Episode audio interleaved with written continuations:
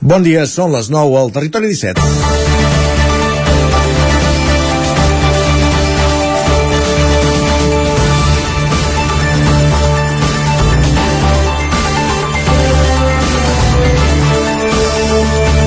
Torna l'activitat després d'un pont de 10 dies per als més afortunats, 4 o 5 la mitjana de la població o cap, que també n'hi ha que treballen durant els festius perquè els altres puguem gaudir de serveis diversos.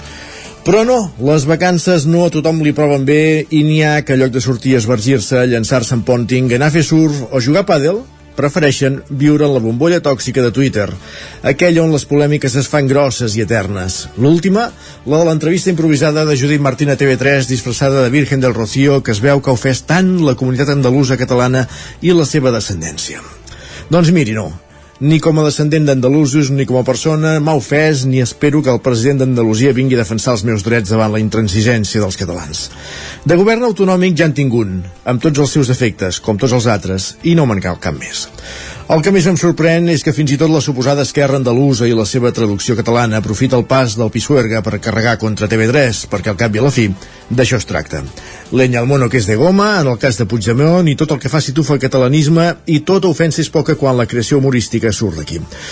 Judit Martín, Toni Soler i Jair Domínguez, i ara ho reduirem a una simplicitat extrema, però que s'entén perfectament, poden estar tranquils. La setmana passada eren crucificats per haver imitat Clara Ponsatí i aquesta per la Blanca Paloma. Ja friso per veure qui tocarà avui i riure una estona perquè la vida és això. Alegria i humor per retratar-nos i fer-nos adonar que hi ha altres colors al món, com a mínim, tan vàlids com el nostre. És dimarts, 11 d'abril de 2023. En el moment de començar el Territori 17 a la sintonia del 9 FM, a la veu de Sant Joan, Ràdio Cardedeu, Ona Codirenca, Ràdio Vic, Twitch, YouTube, el 9 TV i la xarxa més. Territori 17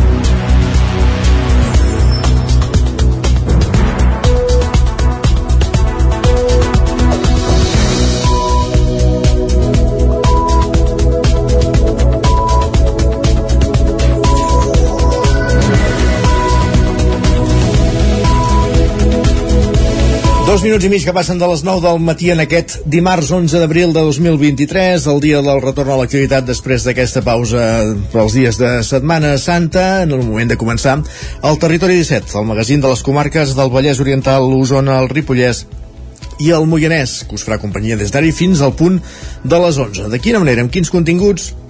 Us ho avancem tot seguit en el menú, en l'avançament del menú del dia. En aquesta primera mitja hora abordarem l'actualitat de les nostres comarques. També farem un cop d'ull a la previsió del temps amb en Pep Acosta, que veurem com està després d'aquesta pausa de Setmana Santa. Farem un cop d'ull a les portades, anirem al quiosc amb en Sergi Vives. A dos quarts de deu en punt serà el moment de pujar el tren a l'R3 amb l'Isaac Muntades, recollint les cròniques dels oferts usuaris de la línia del tren, de la línia R3, la línia Barcelona-Vic, Ripoll-Puigcerdà i a l'entrevista ens acompanyaran l'Eva Laucó i la Núria Martínez, que són la directora de la Biblioteca Antoni Pla de Vall a Taradell i la comissària del Taradell Negre, el certamen de literatura negra que se celebra aquest cap de setmana entre divendres i dissabte a Taradell. A partir de tres quarts de deu, després de l'entrevista parlarem del temps, repassarem eh, com va, farem balanç del mes del temps del mes de març eh, en un temps que es va replicant més rere més, sequera, sequera i més sequera, però hi posarem el focus amb en Manel Dot, de la xarxa d'observadors meteorològics de la comarca d'Osona. A les 10, més notícies, la previsió del temps i a l'Espai d'Economia, en Joan Carles Arredondo avui ens parlarà d'un estudi sobre l'evolució dels salaris que ha fet l'empresa X a les, de l'Escola de Negocis EADA per veure, per treure'n algunes conclusions. el, més, el titular està clar, que els salaris no han pujat al mateix ritme que ho ha fet la inflació, però posarem el focus en algunes dades interessants d'aquest treball. A dos quarts d'onze serà moment d'endinsar-nos a Twitter i avui, excepcionalment un dimarts, acabarem el programa parlant de futbol a la tertúlia esportiva després d'una nova jornada de Lliga en què el Barça i el Girona van empatar a 0 sense gols ahir al Camp Nou, derrota del Madrid a casa davant el Villarreal i derrota també de, de l'Espanyol. De tot això en parlarem a la recta final d'un territori 17 que ara comença, com dèiem, repassant les notícies de les nostres comarques, les notícies del territori 17, les notícies del Vallès Oriental, Osona, el Ripollès i el Moianès.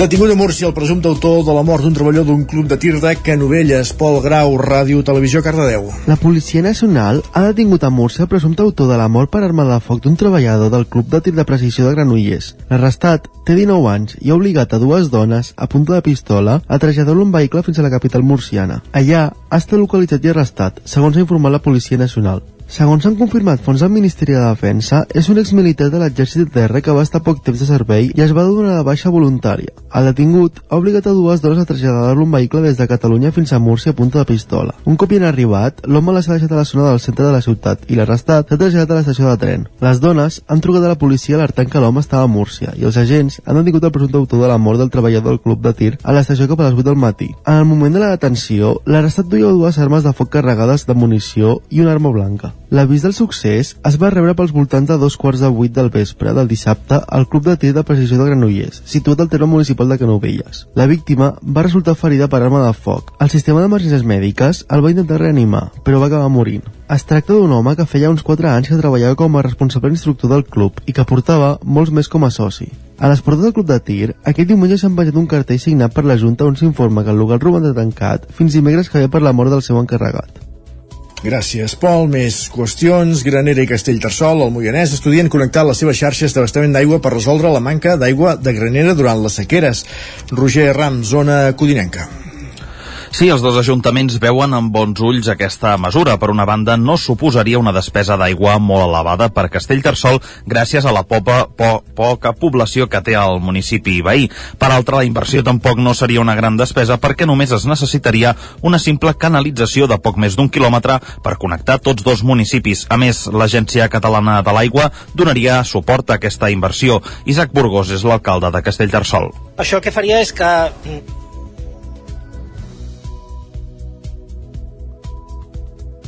sí, estem parlant de que Granera està consumint uns uh, 100, 120 uh, 100, 120.000 litres setmanals, que si tot sol estem a 900 diaris aproximadament, i això vol dir que per nosaltres seria un consum bastant petit per, uh, per no poder fer l'esforç. El projecte encaixa també amb la voluntat a mitjà termini del Consell Comarcal del Moianès per connectar tots els pobles de la comarca en una xarxa d'abastament d'aigua compartida. Burgos explica que cal acabar de determinar el finançament del projecte. El, el finançament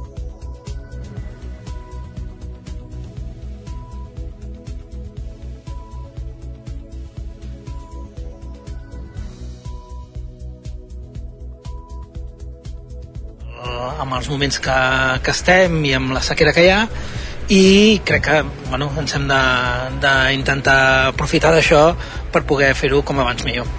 Ara per ara, però, el projecte encara és a les Beceroles i no hi ha una data concreta per iniciar els treballs fins que no es resolgui com es finançaria. Més qüestions, la finca Estirera Berguedà, a pocs metres de l'església de Tona, passa a ser de propietat municipal. Sergi Vives. Els cinc germans propietaris de la torre i l'Ajuntament han arribat a un acord perquè la finca passi a ser municipal. La finca data dels anys 70. La va construir el matrimoni Cirera Berguedà amb una proposta arquitectònica molt moderna per l'època.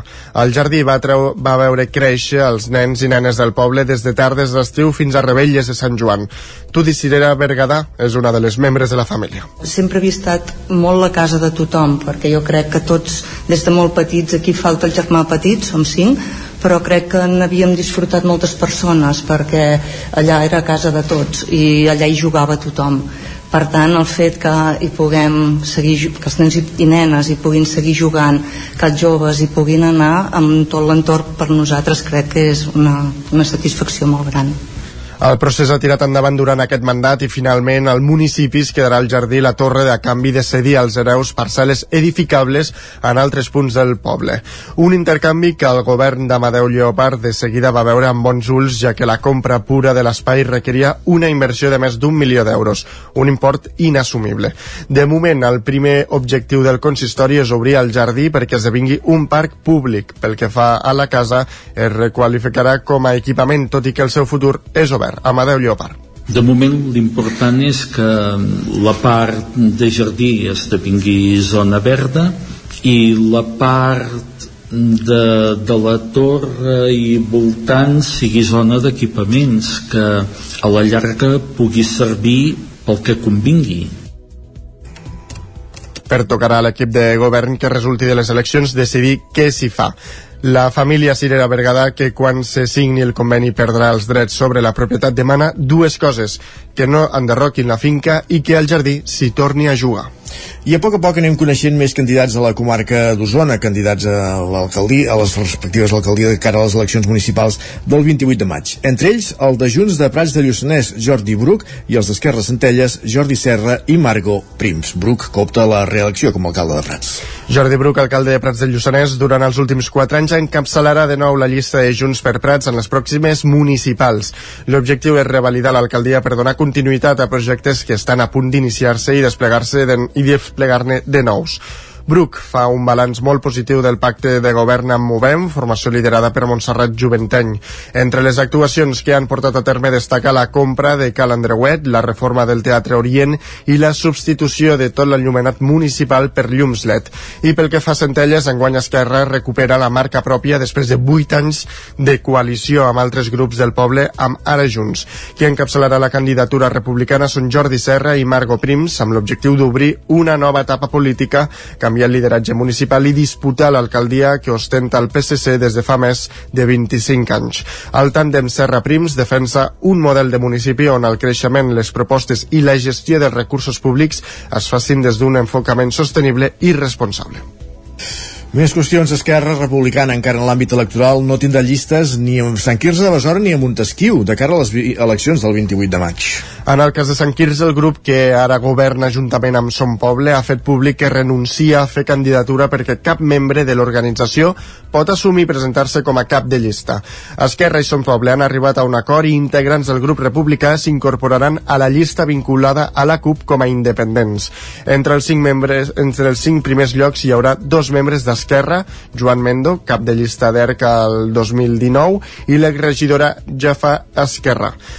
Així diuen, es vol donar continuïtat al govern que han compartit durant 4 anys, que inicialment havia de ser amb una alcaldia partida entre David Solà, de Son Poble, i Joan Mendo, d'Esquerra, però que finalment ha estat només de Solà, perquè Mendo va renunciar-hi. I com dèiem, a Montesquieu, on Esquerra va començar el mandat actual tenint l'alcaldia, tampoc hi haurà candidatura republicana. El motiu el mateix que a Sant Quirze, que ningú es vol posar al capdavant. Actualment Esquerra té tres regidors que van començar governant en minoria i que van acabar renunciant a les tasques de govern a principis de 2020. Els altres dos grups, Junts i Som Montesquieu, van pactar el nou govern i s'han partit l'alcaldia. I a Vic, el tinent d'alcalde Josep Arimany, que s'acomiadi de la política no és cap sorpresa, tot i això diu que prefereix deixar aquesta porta entreoberta. De fet, va ser el mateix Arimany qui va anunciar que s'acomiada en l'acte que va organitzar ara fa un mes l'equip de govern d'Anna R per fer balanç de mandat. S'acomiada del consistori bigatà, doncs, després de tres mandats. Per ara, però, prefereix deixar la seva la porta entreoberta l'estructura eh, política, els partits polítics, les oportunitats poden sortir en qualsevol moment. Jo que sí és una, una notícia clara que vull dir és que en aquests moments abandono la política municipal, no aniré a cap, a cap llista, però sí que mai se sap les oportunitats que poden venir i, i no és solament la política eh, municipal, pot ser la política eh, catalana o la política estatal, mai se sap Arimany mantindrà el vincle, però, amb la FES, la Fundació d'Estudis Superiors de la Facultat de Medicina de la Universitat de Vic, una entitat que continuarà presidint. També espera mantenir lligams amb la Fundació Universitària Balmes, amb l'Oficina Tècnica de Suport al Desenvolupament de la línia R3, un espai que assegura ha permès fer arribar una reivindicació històrica a Madrid i començar a recollir-ne els seus fruits. I a la plana esportiu us expliquem que Pau Martínez ha estat el guanyador dels 3 dies trial de Santigosa de Sant Joan de les Abadesses.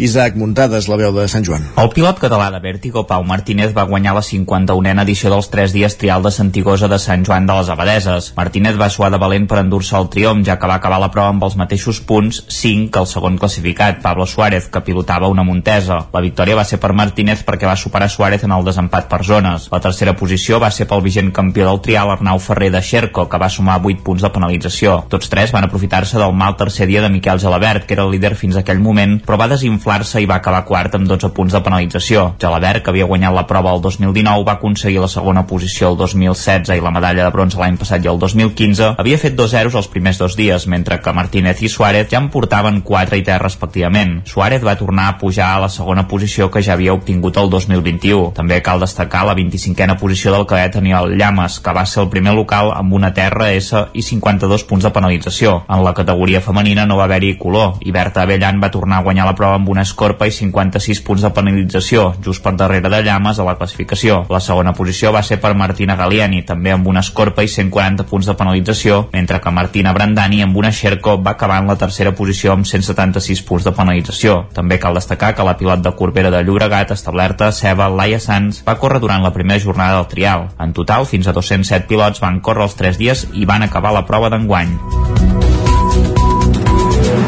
Gràcies, Isaac. Acabem aquí aquest repàs informatiu que començàvem al punt de les 9 en companyia d'Isaac, muntada Sergi Vives, Pol Grau i Roger Rams. És moment al territori 17 de saludar també el nostre home del temps, en Pep Acosta.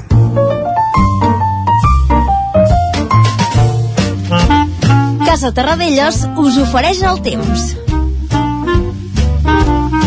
I volem saber com evolucionarà meteorològicament el cel els propers dies. Pep Acosta, benvingut, ben retrobat. Bon dia. Hola, què tal? Com estàs?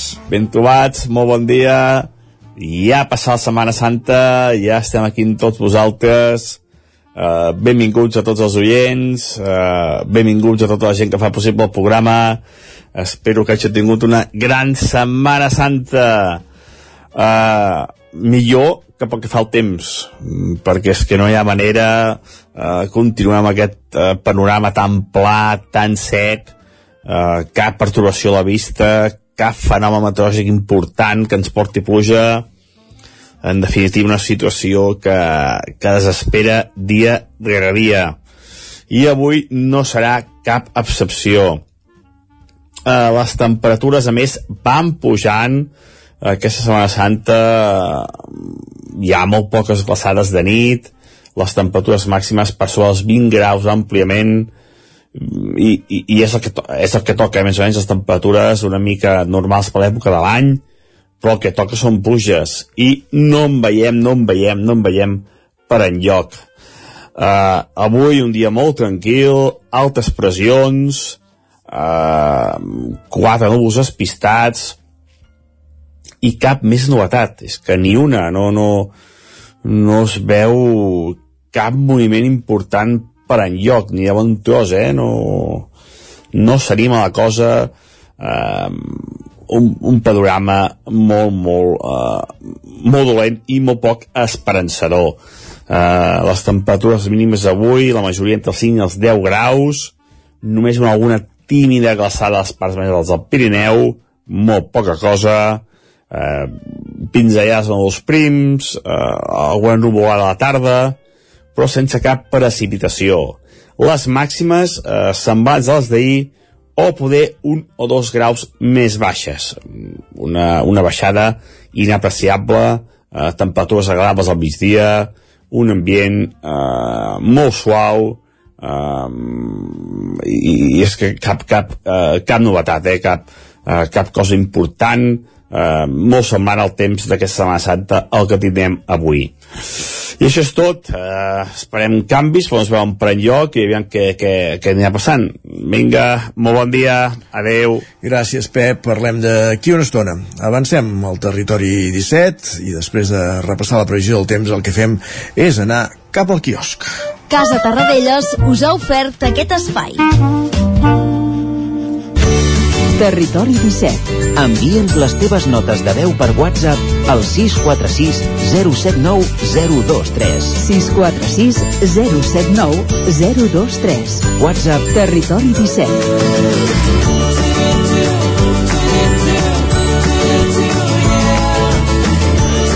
Territori 17. Som a Facebook, Twitter i Instagram amb l'usuari Territori 17.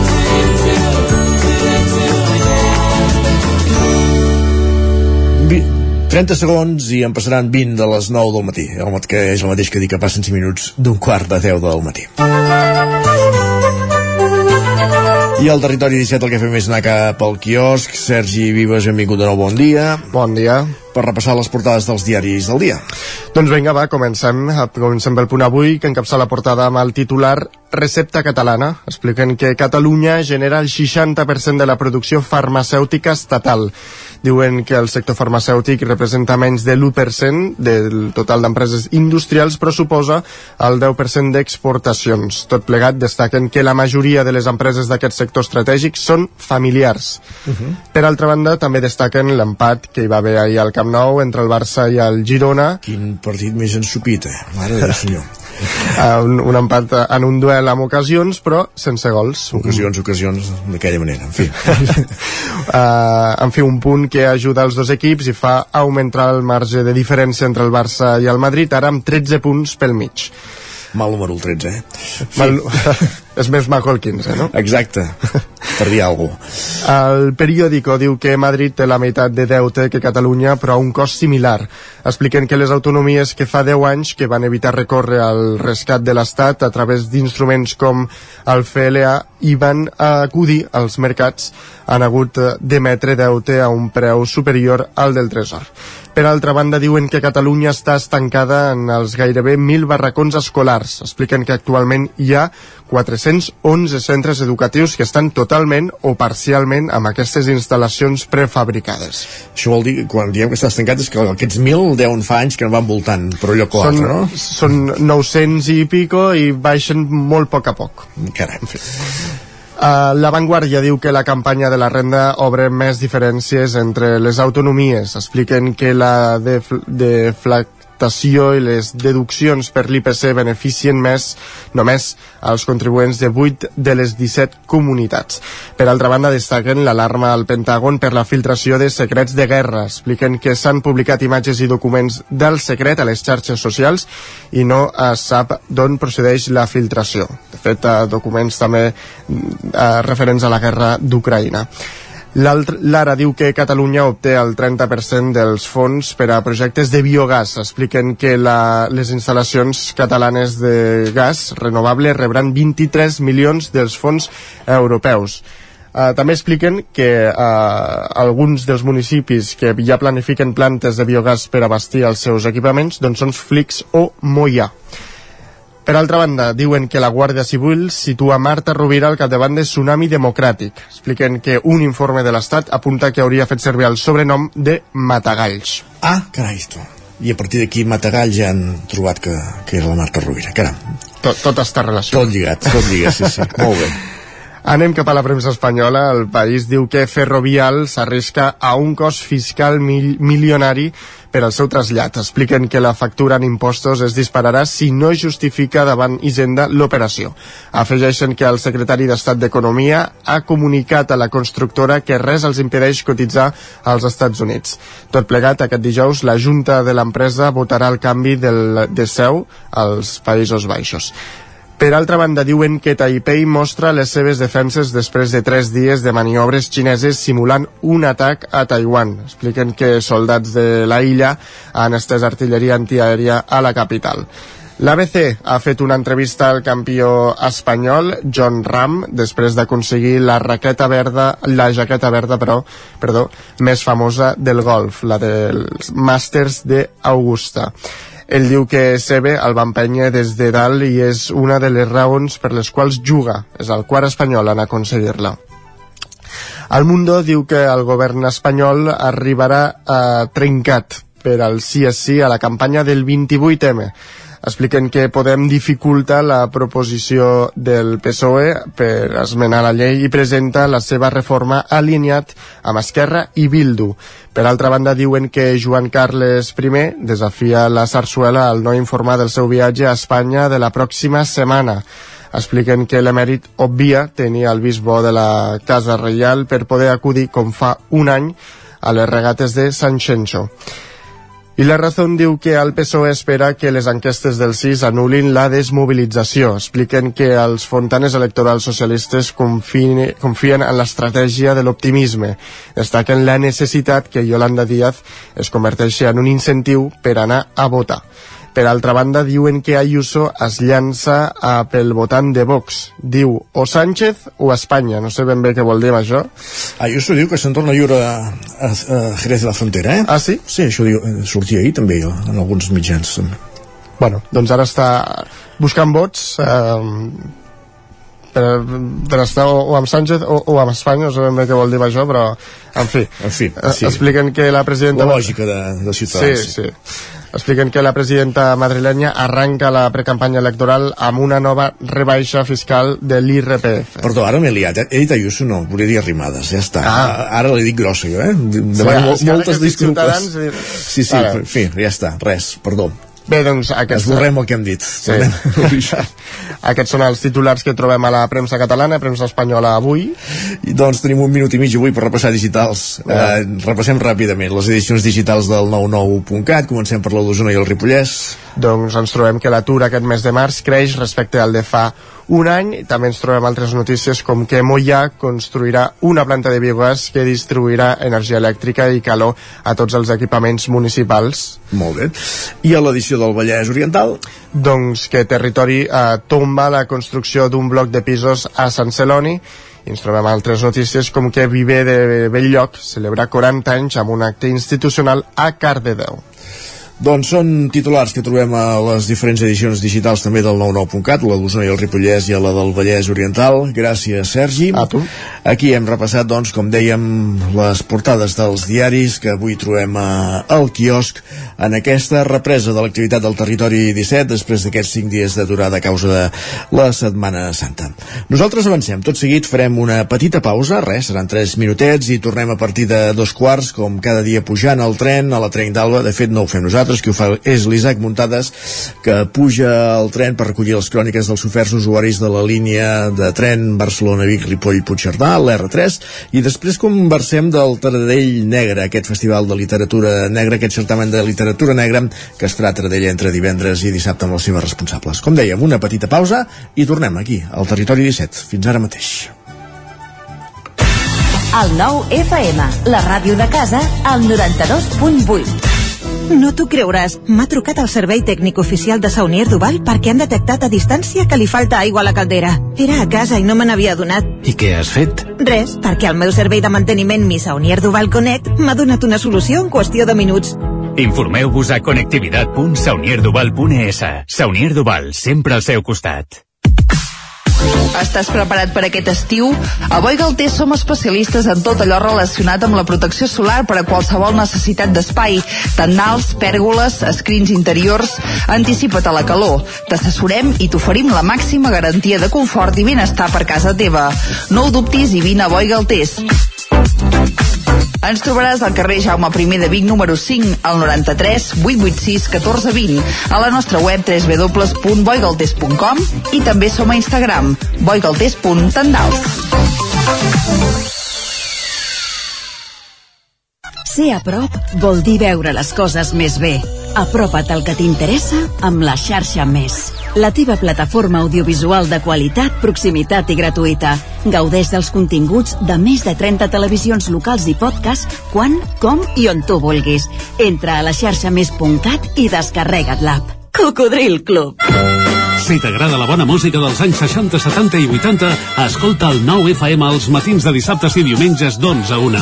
És el temps del Cocodril Club, tot un clàssic de la ràdio, amb les bases del pop-rock, les llegendes, les cançons que s'han convertit en autèntics himnes. Recorda, dissabtes i diumenges al matí, d'11 a 1, al 9 FM 92.8. Cocodril Club, el programa revival de l'Albert Malla. Hasta luego, Bon dia, són les 9 al Territori 17. La Miquel Parella. Cada matí i durant dues hores t'acompanyem i et posem al dia de l'actualitat de casa nostra. Potenciant així l'autonomia Per aquest cas me la el si no... Cursos per feminitzar el pensament masculí. Territori 17, el magazín matinal d'Osona, el Moianès, el Ripollès i el Vallès Oriental. Que la meva àvia de 93 el anys... 9 FM, el 9 TV, el 99.cat i també els nostres canals de Twitch i I YouTube. demà per fer-se un tatuatge. Cada matí, Territori 17. Ole. Anuncia't al 9FM, la ràdio de casa. 9 3 8 8 9 4 9 4 9 Publicitat arroba al 9FM.cat. Anuncia't al 9FM. La publicitat més eficaç. Ser a prop vol dir veure les coses més bé. Apropa't al que t'interessa amb la xarxa Més. La teva plataforma audiovisual de qualitat, proximitat i gratuïta. Gaudeix dels continguts de més de 30 televisions locals i podcast quan, com i on tu vulguis. Entra a la xarxa més.cat i descarrega't l'app.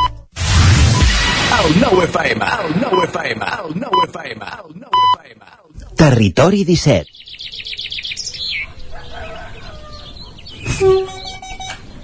A Tren d'Alba.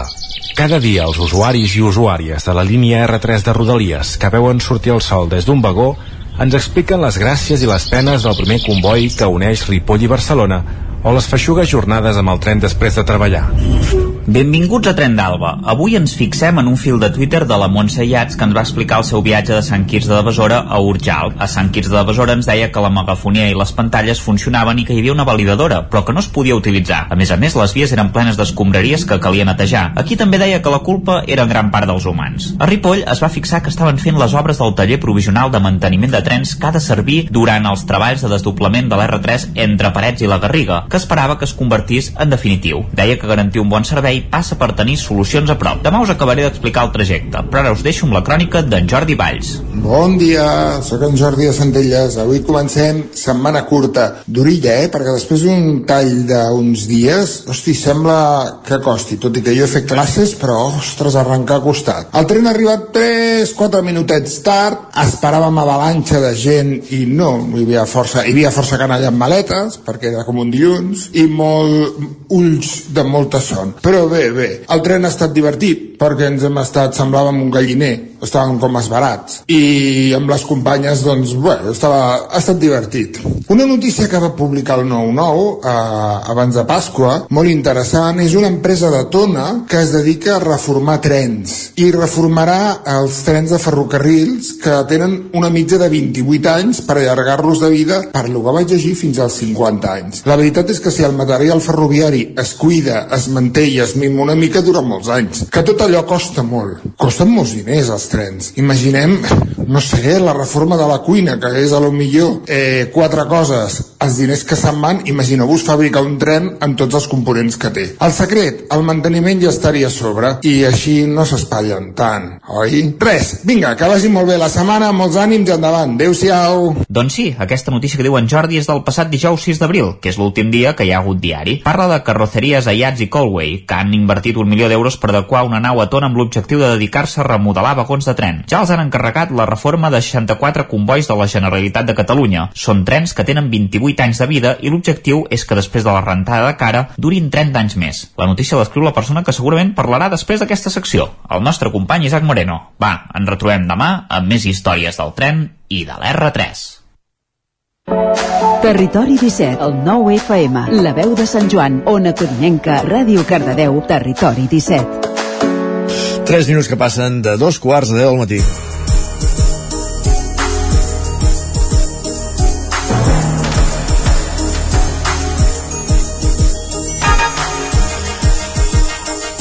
Els dies 14 i 15 d'abril, divendres i dissabte d'aquesta setmana, Tradell acollirà una nova edició del Tradell Negre, un festival literari que arriba a la seva segona edició amb l'objectiu de continuar donant resposta a una necessitat. Hi ha molts festivals de novel·la negra, però pocs únicament dedicats a la novel·la negra catalana. I d'aquest certamen en volem parlar ara mateix amb la directora de la Biblioteca Antoni Pla de Vall de Taradell, l'Eva Louco i també amb la Núria Martínez, que és la comissària d'aquest certamen. Benvingudes totes dues, bon dia. Hola, bon dia. Bon dia. Com dèiem ara a la introducció, eh, aquest és l'objectiu inicial del Taradell Negre, ser un, la referència literària de la novel·la negra en català, o catalana, diguéssim? Ah, sí, és un dels objectius, evidentment. Sí, sí. Per què veieu aquesta necessitat doncs, de crear aquest certamen? Perquè, com dèiem, és això de, de festivals de novel·la negra, els, si més no els últims anys, que, que, que aquest tipus de novel·la està molt a l'ordre del dia, en van naixent molts, no? Però, diguéssim, però amb aquesta singularitat és l'únic. Sí, una mica des de la biblioteca el que vam detectar és que la novel·la negra doncs, tenia molts, molta gent que la seguia, però bàsicament els autors que se seguien eren els autors nòrdics i els autors europeus, bàsicament. I en canvi els autors catalans potser quedaven en un segon pla. I parlant amb la Núria, que és la comissària, vam veure que aquesta necessitat hi era de que donar a conèixer la novel·la negra en, no en català, sinó la novel·la negra catalana que és diferent i ens hi vam posar i estem aquí Molt bé, Núria, i com, com es planteja ja d'un inici i i de cara a aquesta segona edició, diguéssim, aquest certamen literari, diguéssim, com, com, què és el que voleu introduir, què és, com el voleu complementar? A veure, quan el Taradell neix, la primera edició, només n'hi havia un altre en català, que era el Tiana, uh -huh. aleshores era per coherència i per convicció tenia que ser en català. Quina és la, la idea? Bueno, primerament donar això, visibilitat als autors catalans, que n'hi ha molts i de molt bons, i segona, apropar el que és el nucli lector amb els autors i una manera de fer-ho és amb un festival els autors fan les seves taules però després signen llibres hi ha un dinar on on el públic pot interactuar amb els autors i aquest era un, un dels propòsits. No a tots els festivals eh, hi ha un dinar obert, no a tots els festivals hi ha aquesta interacció tan propera. No som l'únic però som dels pocs. I una mica era això, per una banda la visibilitat de la llengua catalana que falta fa i per altra apropar el nucli lector amb el gruix dels, dels autors aquesta va ser la primera idea i amb això continuem Uh, llavors el que veiem és això, que hi ha més que presentacions, el que veiem són uh, petits fòrums, petits debats, diguéssim, de diversos autors, uh, no sé si agrupats per temàtiques o, o, per de quina, o de quina manera, diguéssim, i mudats per, per un altre autor per, per uh, afrontar, diguem, diverses uh, realitats de, de la crònica negra, una mica com es planteja, com la programació. A veure, a, a mesura que em van a mi arribant les novel·les, sí que les vaig agrupant més o menys per temàtica. O sigui, la, la primera taula és la taula juvenil, amb la qual totes les novel·les són juvenils. La tercera, eh, el Kinkis, Frikis i Guanes, són novel·les que tenen un component d'humor, humor negre, però d'humor. I les quatre tenen aquest component en major o menor mesura, però hi és. Aleshores, sí que intento que hi hagi un tema central que els abarqui a tots, però que ells puguin parlar a la vegada d'aquest tema, de la novel·la negra, però de les seves novel·les, que al fin i al cap és el que tot autor ve a buscar, poder parlar presentar i vendre la seva novel·la, no ens enganyem. Ara sí que in- intentem que hi hagi un nucli que puguin debatre o parlar sobre pues això, que té que veure la novel·la negra amb l'humor. És necessari l'humor a la novel·la negra? No és, val? que hi hagi una miqueta de, de debat i procurant que els moderadors excepte dos crec que tots són d'Osona o sigui, centrar-ho tot molt cap, a, cap aquí ja que som el primer de la Catalunya central i l'únic d'Osona com a festival Uh De fet, eh, si no tinc mal entès, hi ha una taula dedicada només a autors osonencs, eh? Mhm. La última, la que tanca, són tres autors taradellencs, precisament, en Ferran Garcia, l'Aniol Florença, que els modera l'Antoni Pladevall. I és, bueno, la cirereta del pastís, no? Els tres autors de casa tanquen el festival de casa, i tant. Uh -huh. Ara entrarem al detall de qui són els autors que, que podrem anar a escoltar dissabte a Taradell. Com dèiem, el festival són dos dies, comença divendres a, a la tarda, de fet a les 7 hi ha la inauguració. I després hi ha aquesta activitat, a partir de dos quarts de vuit, al final, la final de l'eslam de relats negres. Ens la podeu explicar, aquesta activitat? Sí, aquesta és una activitat que ens vam proposar eh, de cara a, a l'Institut de Taradell, mm, una mica doncs, per, per incentivar els joves a la lectura també de, del gènere negre, no? I llavors els hi vam proposar de fer un slam literari, que de fet fa molts dies ells que ho estan preparant a, a l'Institut, ja han sortit quatre finalistes, i es tracta de fer, doncs, en quatre minuts, a fer un relat, un relat curt. Llavors a la biblioteca vindran els quatre finalistes i allà farem la final en directe. Primer farem una eliminatòria de dos, dos, i llavors queda el, el, el guanyador. Llavors la, la peculiaritat és que el vot és en directe i és amb alçada, res de tecnologia aquesta vegada, i llavors el públic és el que vota el guanyador. I l'any passat ho vam fer-ho, va ser la primera edició i ens va anar molt bé i els nanos van, van disfrutar molt i el públic que va assistir-hi també. I llavors això obeeix aquesta, aquesta voluntat doncs, d'acostar el gènere doncs, al al públic més jove, que en definitiva seran els, els lectors adults de, del futur, no? Què considerem relat curt? Quina ha de ser més o menys la, la dimensió del... No, en aquest cas és el que dona el, el 4, 4 minuts, el que es pot escriure en 4 minuts. Curtet. Molt bé. El que es pot escriure en 4 minuts, no que duri 4 minuts, que està... Um, eh, abans parlàvem això, eh, de, de la tendència eh, al true crime, diguéssim, a, a llegir novel·la negra. Com a biblioteca, noteu un increment de la demanda en els últims anys d'aquest tipus de, de... Sí, sí, això es, es va notar molt, sobretot en l'època de, la, de la pandèmia, ho vam notar-ho moltíssim perquè va ser un dels gèneres que, que més sortia de, de la novel·la, no? I llavors això, aquest fet precisament és el que ens va fer plantejar amb la Núria doncs, de fer alguna activitat. De fet, fa, mm, quan fa ja ara, un any i dos anys gairebé, sí. que portem a terme un club de novel·la negra, que la Núria és la conductora, uh -huh. i arrel de tot això doncs, va néixer també la idea de fer el festival, perquè és un gènere que cativa, que a la gent li agrada, però llavors hi havia aquesta reivindicació de, de, doncs, de donar a conèixer els autors catalans. Uh -huh. I d'aquí neix aquest Tradell Negre, que com dèiem arriba a la segona edició. Si us sembla, ara podem entrar al detall una mica de, de les activitats de les taules que, de debat que hi haurà dissabte amb, amb els diferents eh, escriptors eh, es comença a les 11 del matí amb una que heu titulat Salvatges videojocs a, a la nit de, de Barcelona Sí, aquesta és una taula juvenil, sempre intentem obrir una taula juvenil perquè a veure si el públic més jove s'enganxa i bé, i aleshores pensem que a primera hora del matí no els hi desmanegues el dissabte i potser és una opció de que vinguin. Aquest any tenen quatre novel·les que jo crec que els poden atraure molt per la temàtica. Un escape room pels carrers de Barcelona, una nit a l'institut, un món distòpic on la gent de la seva edat no haurà conegut internet, tot i que internet sí que ha existit, i però ja no existeix, i un món on els videojocs són els absoluts protagonistes. La realitat virtual és la que mana. Saps? Crec que són temes que pels nanos són molt que els poden agradar molt i que són el que ells busquen. Uh -huh. I per això vam muntar aquesta taula com a buc insígnia del festival i que cada any obri la novel·la juvenil al festival. Uh -huh. Uh, la, a partir de les 12 hi ha la segona taula homenatge a Agustí Vidal quan la nit mata el dia Vale. Fa 10 anys de la mort de l'Agustí Bahí, eh, és un autor empordanès, historiador, també era policia municipal a Figueres, i amb aquests 10 anys de la seva mort, l'editorial clandestina recupera aquesta novel·la quan la nit mata el dia, que va guanyar el Premi Crins de Tinta el 2011, i se li fa un petit homenatge que és itinerant a tots els festivals de novel·la negra catalana. Va començar a Tiana, ara ve per Taradell, i continuarà al juliol a Creixell, que és el tercer en discòrdia. Som els tres únics amb novel·la negra catalana absolutament. Uh -huh. uh, abans ja ens esmentaves aquesta tercera taula, quinquis, friquis, iguanes i altres espècimens.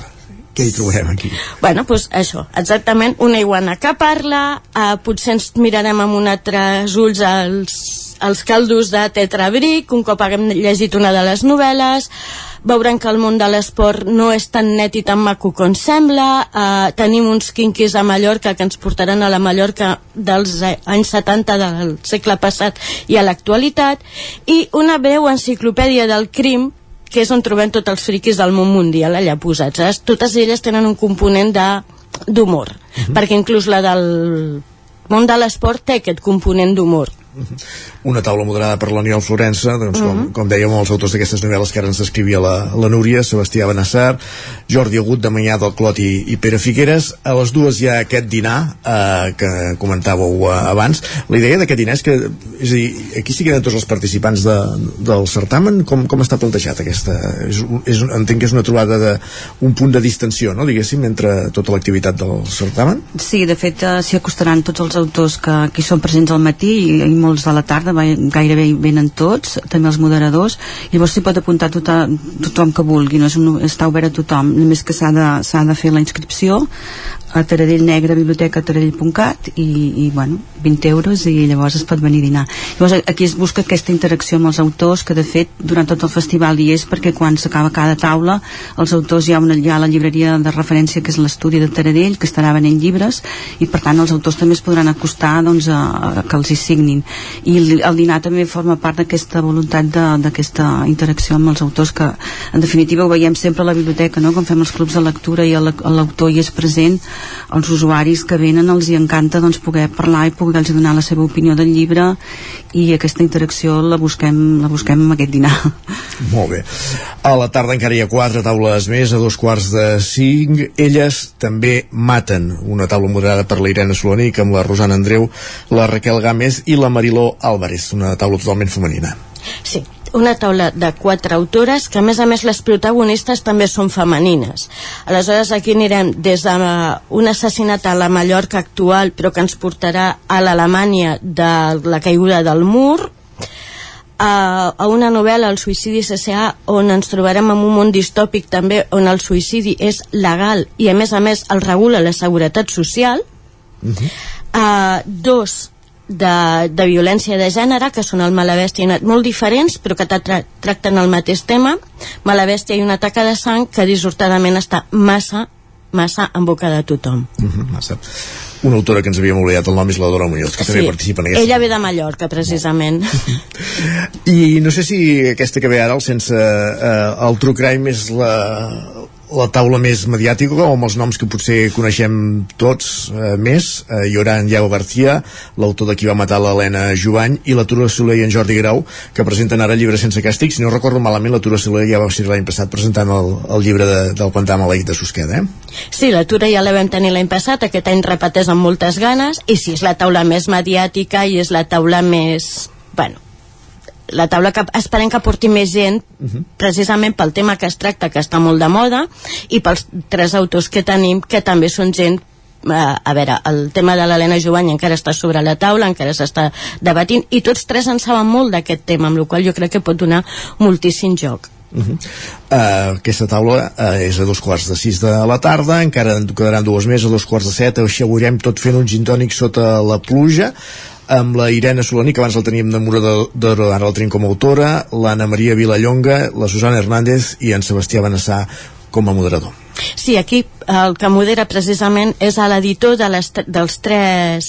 Són tres reculls de, de relats, no són tres novel·les.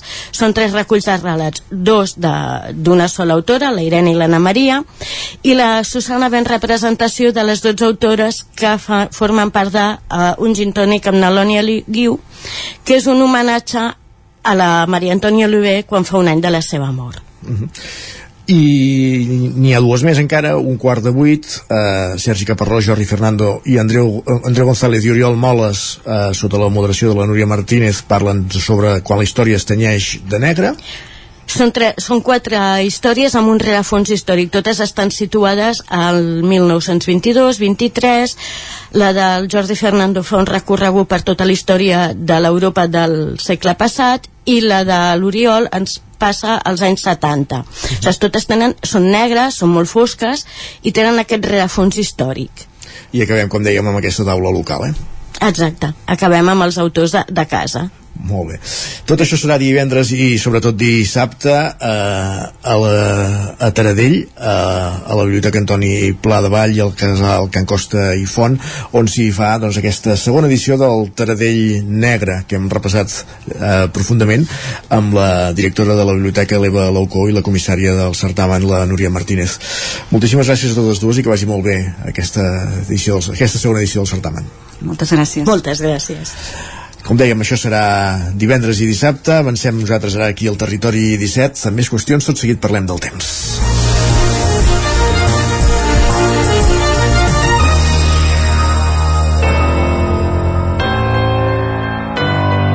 Territori, Territori 17. 17.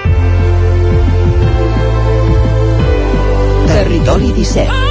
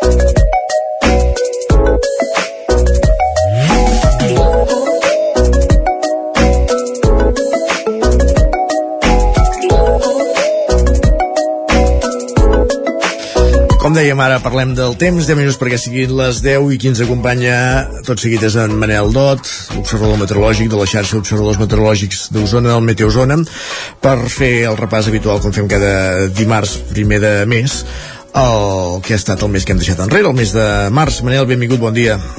Hola, bon dia. Com prova l'abril? Avorrit. Avorrit. Igual que el març.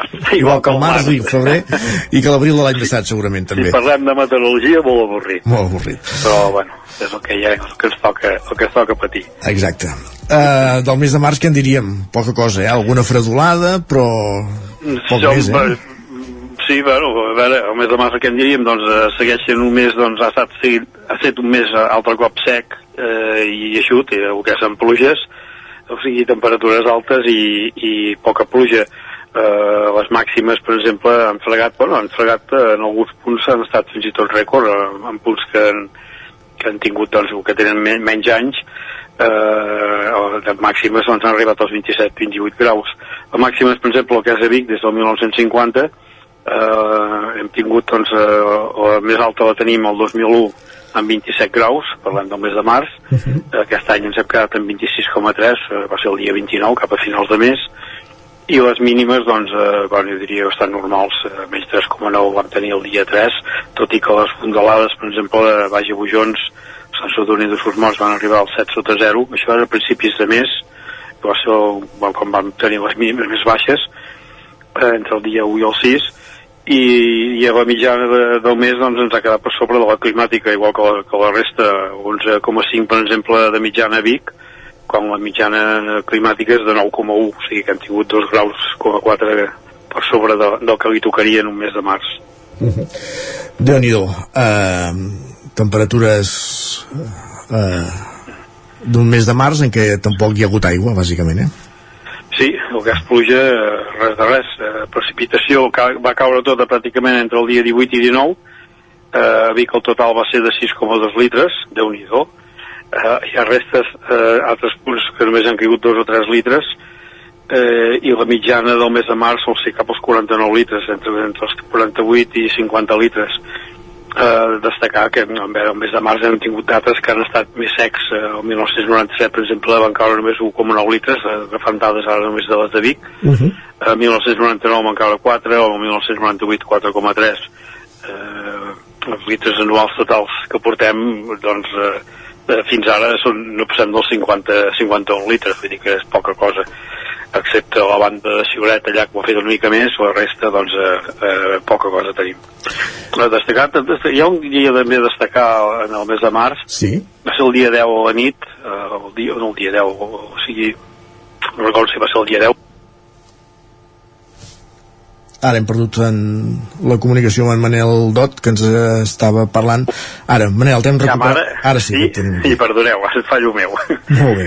eh, doncs no, deia, hi ha un dia del mes de març que a les 10 de la nit eh, bueno, ens, ens va, va tornar a dominar el vent del sud Sí. això ha fet que pugessin aquestes temperatures i un dia especial eh, destacar eh, que a les 10 de la nit doncs eh, va fer una levantada forta que va arribar a 50-60 km per hora i que va fer pujar les temperatures però en picat, eh, o sigui, eh, teníem temperatures doncs eh, a, a la nit de, de 10-11 graus o més, eh, depèn del punt que va ser doncs eh, fruit d'aquesta ventada que ens va venir de sud. Això però ja dic a les 10 de la nit no sol passar realment el, el que és el migdia sí que tenim les marinades i que, que ens van, van bufant però a les 10 de la nit va ser una cosa doncs, una mica extraordinària. I per l'hora que va ser també hauria passar bastant desapercebuda, no? Sí, no, home, es va notar, eh? Perquè la fressa la va fer, eh? Sí? Se va apretar fort el vent, sí, va durar molt poc Sí. i, i va arribar a dir que cops de vent de 50 km per hora se sentia, eh? Sí, que va, si algú dormia es va despertar. Eh, de d'altres temperatures també el que és el, el, el mes de març, doncs a Olost del Lluçanès eh, van caure un total de 2 litres, Sí. eh, és el segon més sec des del 1986 en aquí eh, tenim el 1997 tenien 0,4 litres. A Prats de Lluçanès per exemple en 3,1 litres també el total, la mitjana és de 46 eh, el més, més sec també des de l'any 1998 i la mitjana aquí també va ser pràcticament 2 graus per sobre del que li tocaria.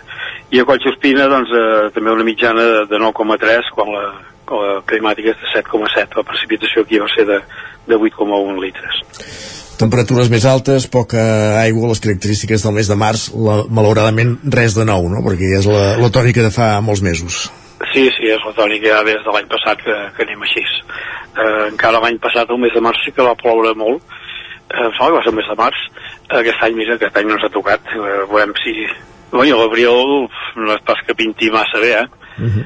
eh, avui mateix, bueno, que avui tenim, o, o les temperatures avui, per exemple, han estat, doncs, força, força suaus. Aquests dies de Setmana Santa hem arribat a 25-26 graus, i és més normal, el mes d'abril, però aquesta precipitacions, doncs, eh, ho tenim magre també, perquè hi ha un, una vista posada entre, entre el dimecres i dijous, que hi ha ara el que ens pujarem serà les temperatures en amunt. Avui, avui, demà i demà passat. Eh, avui fins dimecres, però avui som dimarts, eh, Sí. sí. confoquem el dilluns. Sí, sí, tots anem confosos aquesta setmana, no pateixis. Sí.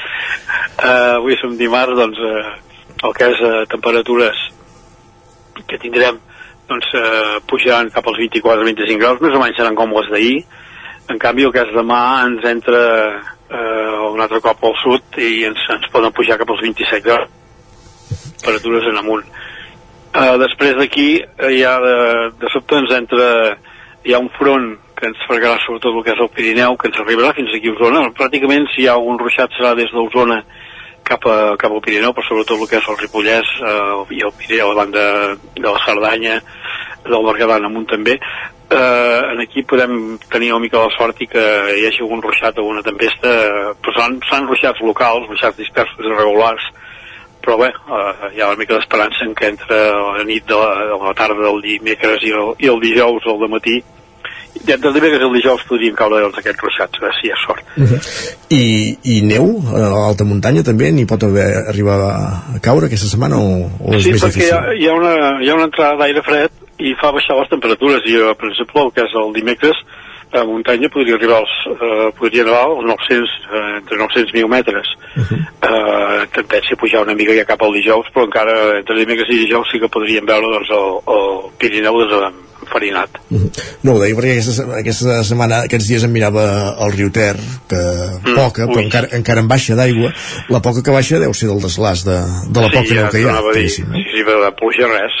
O sigui, és, és el, del, el que baixa és el desglàs, eh, que pràcticament ja no n'hi ha, perquè poca cosa ja es veu, i, i encara es manté, bueno, aquesta sau està un 6,5%, treuen menys aigua ara, eh, i la que es manté, doncs, suposo que és la que va entrant també, eh, i la Susqueda, per exemple, està un 40%.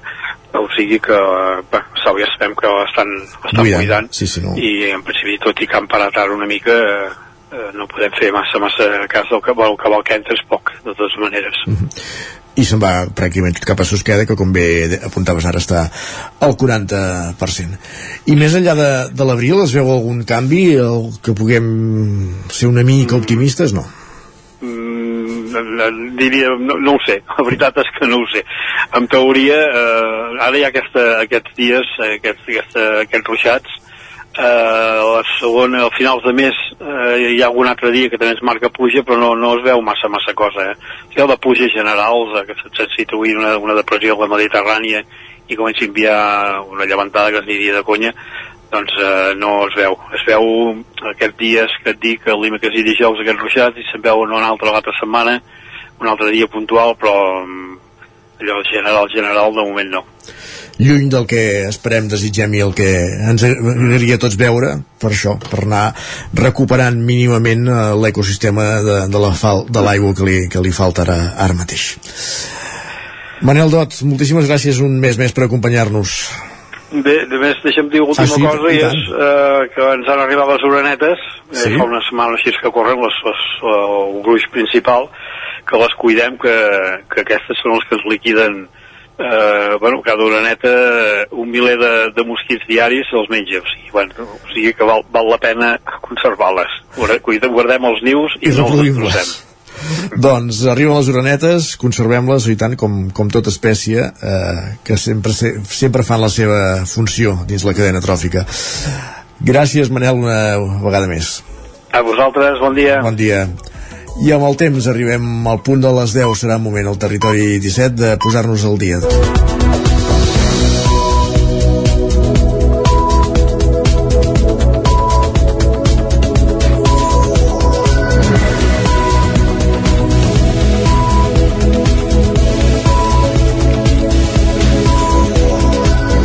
I és moment per actualitzar-nos al territori 17, com dèiem, per posar-nos al dia amb les notícies més destacades de les nostres comarques, el Vallès Oriental, l'Osona, el Ripollès i el Moianès, i ho fem en connexió amb les diferents emissores que dia a dia fan possible aquest programa. Entre elles, per exemple, Ona Codinenca, des d'on en Roger Rams ens explica que els primers dies de campanya contra la vespa asiàtica a Sant Feliu de Codines permeten capturar una vintena de reines i evitar que la plaga s'expandeixi, Roger.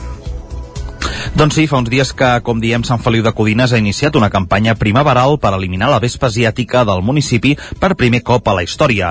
Aquest trampeig està centrat en capturar les vespes reines a través d'una vintena de trampes fetes amb ampolles reciclades que permeten capturar les vespes i deixar lliures altres polinitzadors de la zona, com ara les abelles, que es controlen regularment per valorar-ne l'efectivitat. Gustavo Pous és la persona que està realitzant aquests treballs de captura de la vespa asiàtica i explica que l'objectiu de fer aquesta campanya ara és evitar que aquests animals, com deien, proliferin. El control, eh, diguem, de, de reines de primavera, eh, diguem que es fa a partir de, del mes de març i dura tres mesos. Aquest control és eh, bàsicament per agafar el màxim potencial de reines fundadores de nius primaris. Consta de, principalment de la col·locació a partir de, de març de principis de març d'aquestes 20 trampes. No? Llavors aquestes 20 trampes es col·loquen i es fa una revisió cada 15 dies. No? Aquesta campanya, segons apunta Pous, està resultant efectiva, ja que en les primeres setmanes en marxa, com dèiem, s'ha aconseguit reduir la població, ja que s'han capturat 20 exemplars de vespa reina, el que es tradueix amb una presència important, ja que això significa que per ara hi ha com a mínim 3 nius per, cadascun de, per cadascun d'aquests 20 exemplars. Ara hem fet el primer control, hem fet, el, eh, diguem, la primera, el tret de sortida, no? I hem capturat en total 20, 20 vespes. Però clar, estem parlant de 20 vespes que tenen una, una, una afectació a la zona eh, estaríem multiplicant com mínim per 3, perquè cada vespa d'aquestes, cada reina, el seu, diguem, el seu període de, de primavera fins al que és l'otoño, eh, estaríem parlant en total de 3 nidos per reina. Un dels factors ambientals que preocupa enguany és la sequera, ja que, segons apunten els experts, com menys aigua hi ha al medi natural, més s'apropa la vespa asiàtica als jardins i a les cases. N'hi ha una cosa que és la, la sequera, no? que ha baixat una mica el que és el volum d'aigua eh, respecte a altres anys. Com pot afectar això de cara a la vespa asiàtica? Pues, bàsicament, eh, al principi pensa que els nius primaris eh, són els que estan més a prop de les cases o dels punts, eh, entre cometes, eh, afectats per les vivendes, no? els jardins, la humitat que, que generem nosaltres. No? Aquests serien, eh, diguem, l'afectació. No? Quan més sequera així doncs, aquesta campanya, que s'allargarà, com dèiem, fins a finals de primavera, també demana a la població la seva col·laboració a l'hora d'evitar la propagació d'aquests insectes, ja sigui d'una banda no tocant ni manipulant les trampes col·locades i de l'altra avisant a les autoritats competents en cas de trobar nius a cases o finques particulars. Gràcies, Roger. Més qüestions. Osona frega el 90% d'ocupació turística aquesta Setmana Santa, que va tenir com a preludi el Mercat del Ram, Sergi Vives. Segons el gerent de l'Associació d'Empresaris d'Hostaleria i Turisme del Moianès i Osona, Antoni Dinarès, es tracta d'una comarca d'interior que no és de les més turístiques, amb hotels petits i que, per tant, de seguida s'omplen. En aquest sentit, remarca que normalment durant la Setmana Santa la gent tira molt cap a fer turisme a l'interior de Catalunya. Destaca que hi ha les condicions perquè la gent vingui, referint-se a les activitats que es fan al voltant de la muntanya, amb rutes senyalitzades per fer senderisme o bicicleta. Pel que fa al perfil de turista d'Osona, parlem de famílies catalanes, tot i que també hi ha un important gruix de gent de la resta de l'estat espanyol i en menor mesura estrangers. L'Ajuntament de Sant Vicenç de Torelló a Osona ha iniciat inspeccions al padró d'habitants davant les sospites de falsos empadronaments que s'haurien fet per poder accedir a l'escola Lluriana al curs que ve. Des de l'Ajuntament expliquen que a inicis d'any el Departament d'Educació sol·licita al consistori el nombre d'infants amb edat de fer preinscripció i en detectar-se un augment considerable de nens i nenes, des del mateix departament s'ha instat a l'Ajuntament a inspeccionar els domicilis de sis famílies que estan sota sospita d'haver-se empadronat per accedir a l'escola del poble poble. Aquest fenomen ja s'havia donat en altres municipis de la comarca com Sant Pere i Gurb, on el departament ja ha aplicat mesures, però és nou a Sant Vicenç. D'entrada constaven 16 alumnes nascuts el 2020, per la qual cosa s'havia limitat la ràtio a P3 aquesta xifra, però per aquest motiu ara passarà a 22. Des del consistori lamenten el que anomenen turisme educatiu, ja que a municipis veïns com Torelló s'obren places a la majoria de centres. Més qüestions, Sant Joan de les Abadesses i Molló, el Ripollès, reben un premi a la vuitena edició dels reconeixements Administració Oberta. Isaac Muntades, la veu de Sant Joan. L'Ajuntament de Sant Joan de les Abadeses va ser guardonat amb un top 10 en la vuitena edició dels reconeixements d'administració oberta celebrats a Manresa que s'atorguen a aquells ajuntaments i consells comarcals que han destacat en la transformació digital de la seva relació amb la ciutadania i gestió interna durant el 2022. Sant Joan va ser premiat en la categoria de municipis d'entre 1.001 i 5.000 habitants, en què el podi el van conformar el Morell, Escó i Palau-Saverdera. L'alcalde del municipi, Ramon Roquer, valorava l'obtenció del guardó. La veritat és que és un premi al personal de la casa, sobretot doncs, liderat per la secretària interventora, que és qui des de fa molts anys ha impulsat doncs, aquesta implantació de l'emissió electrònica a l'Ajuntament de Sant Joan de les Abadeses i de fet és la tercera vegada en 8 anys que som premiats eh, dintre els top 10, dintre els 10 municipis de la categoria de 1.000 a 5.000 habitants que tenim més ben implantada doncs, tota l'emissió electrònica i per tant la digitalització del nostre Ajuntament. Com deia Roquer, l'Ajuntament Sant Joaní ja va ser guardonat l'any 2018 amb un primer premi, mentre que en una altra edició va quedar tercer. La victòria que es va obtenir fa 5 anys va ser una sorpresa, però va esperonar el consistori a continuar treballant com llavors. Aquests premis tenen un total de 7 categories que abasten des de pobles d'u a 500 habitants fins als més de 5.000, però també els consells comarcals. A banda de Sant Joan, també té encara més mèrit per ser més petit la segona posició de l'Ajuntament de Molló en la categoria de fins a 500 habitants, que comparteix el podi amb Caseres a la primera posició i Sant Martí del Bars i Gaià empatats a la tercera. Manlleu commemora el centenari dels seus gegants més antics, en Jordi i la Montserrat. És per aquest motiu que la colla gegantera i grallera de Manlleu ha programat un seguit d'activitats per aquest cap de setmana, Sergi. En Jordi i la Montserrat, la més veterana de les parelles de gegants de Manlleu, s'incorporen aquest any al selecte club de figures festives centenàries, un club que a Osona només compartirà amb les parelles de Vic, Rupit i Torelló. Per celebrar-ho, la, la colla gegantera i grallera de Manlleu ha preparat una programació per aquest cap de setmana d'autèntica falera gegantera. Eva Fones, la regidora de Cultura. Catalunya és país de gegants, que no podem concebre les nostres festes tradicionals sense veure els gegants i els capgrossos i els gegantors pels carrers i per les places, formen part de la nostra cultura popular. I quan parlem de gegants també parlem del, mov del moviment associatiu que hi ha al darrere, no? que hi ha a l'entorn d'aquests gegants, que són la colla de geganters i, gra i grallers, eh, que ells tenen cura de les figures, eh, es cuiden de tenir activitat durant tot l'any, eh, que porten eh, el nom de Manlleu arreu dels països catalans el president, la vicepresidenta i la secretària de la colla van avançar els detalls del programa que ja tindrà com a preàmbul una primera mostra d'una desena de gegants que des d'avui i fins dissabte s'exposaran al local de l'entitat. En donen més detalls Eva Isern, secretària de la colla, i Letícia Colomo, vicepresidenta. El divendres el volem dedicar als nens i nenes de Manlleu.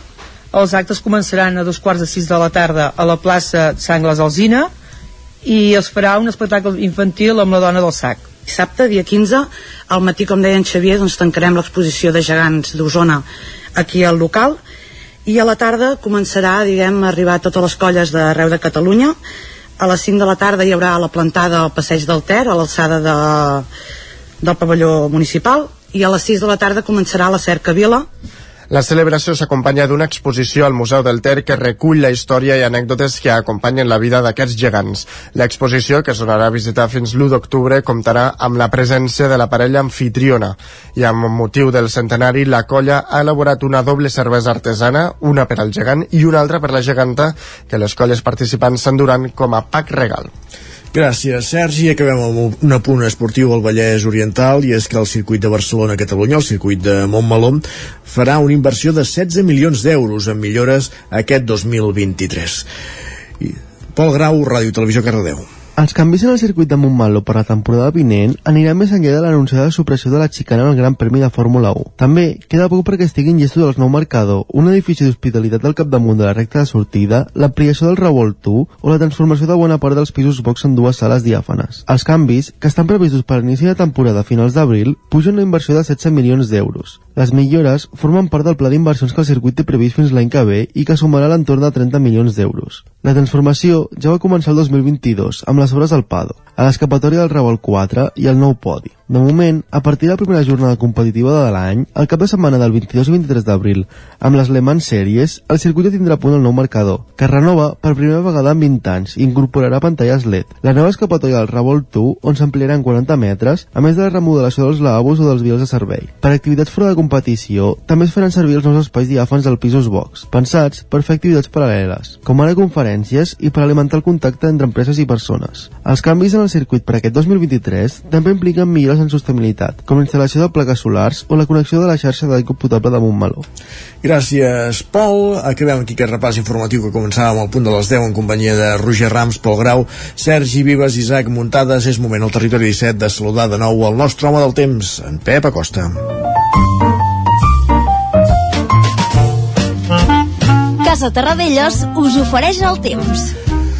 Pep, bon dia. Com evolucionarà la setmana meteorològicament parlant? Hola, què tal? Com estàs? Avui un dia molt tranquil, altes pressions, eh, quatre núvols espistats i cap més novetat. És que ni una, no, no, no es veu cap moviment important per enlloc, ni de bon tros, eh? No, no s'anima la cosa eh, un, un panorama molt, molt, eh, molt dolent i molt poc esperançador.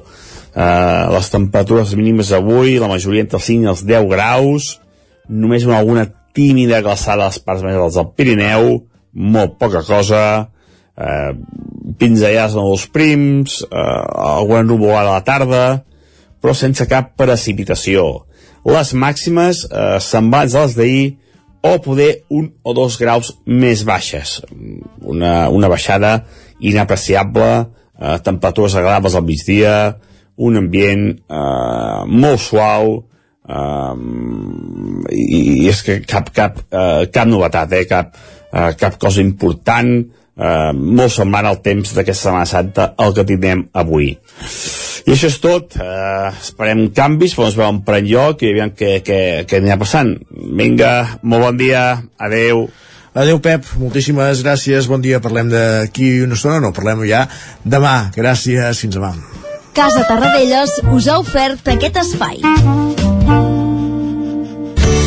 Territori 17. Envia'ns les teves notes de veu per WhatsApp al 646 079 023. 646 079 023. WhatsApp Territori 17.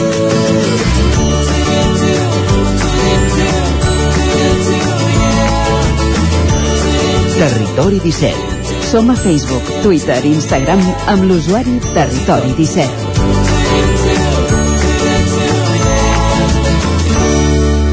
Un minut i mig perquè sigui un quart d'onze del matí.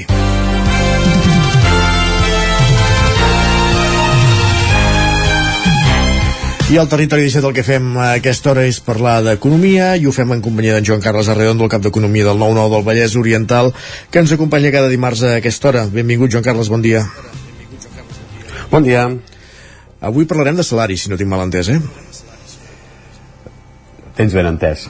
Uh, això parteix d'un estudi que han fet la consultora IXA i l'Escola de Negocis EADA. Mm, L'Escola de Negocis EADA porta bastant temps, diguem-ne, eh, analitzant els l'evolució dels salaris eh, diguem-ne que té, prou recorregut històric diguem-ne a l'estudi com, com per fer-nos en ressò eh? Eh, el, que, el que indica aquest- l'estudi referit al, al 2022 és que els salaris van créixer van créixer l'any passat especialment en la banda dels càrrecs intermedis després explicarem per què i diguem-ne va ser un increment notable, eh? un 3% mitjà en totes les categories professionals. Eh? Ells divideixen les categories professionals en directius, càrrecs intermedis i empleats. Tot plegat serien bones notícies, sobretot pels assalariats, probablement no tant pels autònoms, eh, ho dic perquè diguem-ne que ells no estan sotmesos a aquest règim, a aquest règim de, de, de salaris. Eh? Està clar.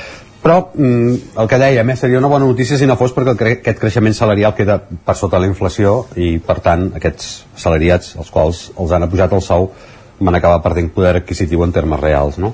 Un any més. Eh, sí, en, en, i en aquest cas diguem-ne que el principal culpable el principal responsable és aquest gran increment de preus que, que es va produir no? Eh, deien això, eh, aquest, la, la conclusió, el, el titular que, que dona aquest informe de la consultora X a l'Escola de Negocis EADA és que la inflació registrada deixa gairebé sense efecte les millores salarials. Um, bàsicament el mateix que estàvem dient fins ara. Eh? Uh -huh.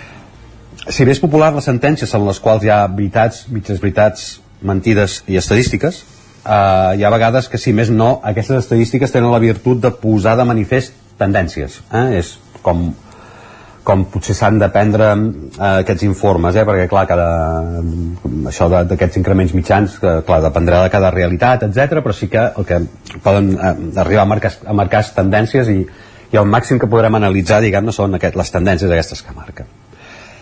Aquest estudi sobre l'evolució salarial eh, manifesta com són els càrrecs intermedis els que estan experimentant creixements superiors als dels empleats i també, i això era menys previsible perquè normalment eren els que més creixien, els dels directius. Això es produeix en un context en el qual els càrrecs més tècnics estan més sol·licitats perquè el creixement que aporta està més vinculat a l'increment de valor afegit dels productes o serveis que ofereixen les empreses.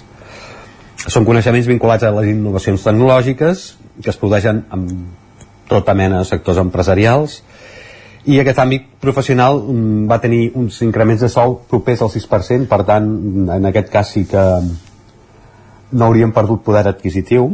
Uh -huh i estan per damunt del 3,7% dels treballadors rasos, diguem-ne, i d'un 3,4% dels directius. Um, aquesta és una primera tendència que exposa un informe que, que dèiem, eh, comença a tenir ja prou, prou recorregut anual, eh, com perquè les conclusions eh, siguin fermes. Eh, hi ha d'altres paràmetres que queden recollits en el treball, com la distribució geogràfica de les remuneracions Centrem, per tant, a Catalunya i revela que si bé els salaris superen la mitjana estatal en totes les baules professionals, aquestes que estàvem dient, de directius, eh, empleats i, i càrrecs intermedis, um, queda força per sota de Madrid, que és la comunitat que els té més alts. Um, entre els directius, la mitjana estatal és de 85.000 euros, la catalana 87.455, eh, uns 85.500, i a Madrid estem parlant de més de 90.700, és a dir, són 2.000 euros, 3.000 euros més de, de sou, estem parlant salaris bruts anuals. Eh? Sí les diferències es, es reprodueixen sí que convé aclarir això perquè a vegades si parles de directius es pot arribar a pensar que és una altra cosa no, estem parlant sempre de salaris bruts anuals uh, les diferències es reprodueixen aproximadament en la resta de categories professionals eh? aquest, aquest, aquest decalatge eh? de 2.000 euros per sota de la mitjana a Catalunya i uns 2.000, 3.000 euros per sota de Madrid diguem-ne que es van repetint en totes les categories professionals una tendència que tot i ser una estadística, també ve a assenyalar alguna tendència, alguna realitat, no? I posats a, realitat, a localitzar realitats recollides en les estadístiques, un últim exemple extret del mateix estudi. Uh, el sector que pitjor paga els seus empleats és el turisme. Carai. Fins i tot hi ha hagut qui... Sí, fins i tot eh, s'ha arribat a reflectir que l'estudi es pot llegir entre línies que aquest sector té el que en diuen una resistència cultural a pujar salaris. Ah. Fins a tal punt arriba aquesta resistència cultural que té dificultats per trobar personal disposat a treballar-hi. Eh? Eh, estem, hem estat a Setmana Santa i ha tornat a sortir, no trobem cambrers. Eh? Eh, bé, en fi. Hi ha un altre estudi que ha elaborat el portal Infojobs i l'Escola de Negocis de SADE, en aquest cas, eh, que assenyala que aquest sector eh, està a punt de cedir en aquesta resistència cultural, aquesta resistència cultural a pujar salaris. L'informe es limita a recollir les ofertes que es publiquen a través d'Infojobs, que no és la manera més habitual de trobar feina, eh, diguem-ne. Uh, res, per tant, que les formes menys institucionalitzades de, de trobar feina, eh, aquesta d'amics coneguts saludats, eh, um, ni que les condicions que es pacten um, o sigui, ni tampoc queden reflectides les condicions que es pacten sense que es quedin per escrit. Mm es coneixen, diguem-ne, moltes pràctiques en aquest sector sobre quantes hores es contracten i quantes es treballen realment. I en els últims dies, i es porta repetint en els que, en els que portem, se sentiran grans grosses sobre l'extraordinària Setmana Santa des del punt de vista turístic. Eh? Ja, ja, ja se n'està parlant, eh? d'aquests grans creixements que hi ha hagut en, de fet, a totes les localitzacions turístiques del país. S'ha parlat d'hotels plens, de despesa de visitants, uns visitants que estan tornant de manera molt notable eh, a Barcelona i a les destinacions habituals sense que s'hagin perdut també eh, tampoc els visitants interns eh? perquè diguem-ne que a la pandèmia es va descobrir molt aquest turisme de proximitat i això diguem-ne no s'ha acabat, no acabat de perdre almenys encara i per tant estem en, en, en un punt en el qual les coses pinten positives per al sector però no tant per als, per, per, per als que hi treballen eh? Uh, són els pitjors pagats segons aquests estudis, eh, amb sous mitjans que freguen el salari mínim interprofessional. Eh, afortunadament, diguem-ne, per aquests treballadors s'ha anat incrementant en els últims anys. Aquesta circumstància convida a una, una, obrir una reflexió, una més, sobre la repercussió del sector turístic al país. Constituït en un lobby molt potent, amb el pretext dels grans recursos que deixa el país com, com un dels sectors eh, que més aporta al PIB, queda poc marge per qüestionar la seva gestió intensiva dels recursos generals. En una aportació que se surt dels marges habituals, uns mesos enrere reflexionava sobre aquestes qüestions un dels economistes de més prestigi a Catalunya, el Jordi Galí. Eh? Eh, és un professor del, del, de l'MIT, eh, una institució molt prestigiosa eh, dels Estats Units sí. i també dona classes aquí a la, a la UPF.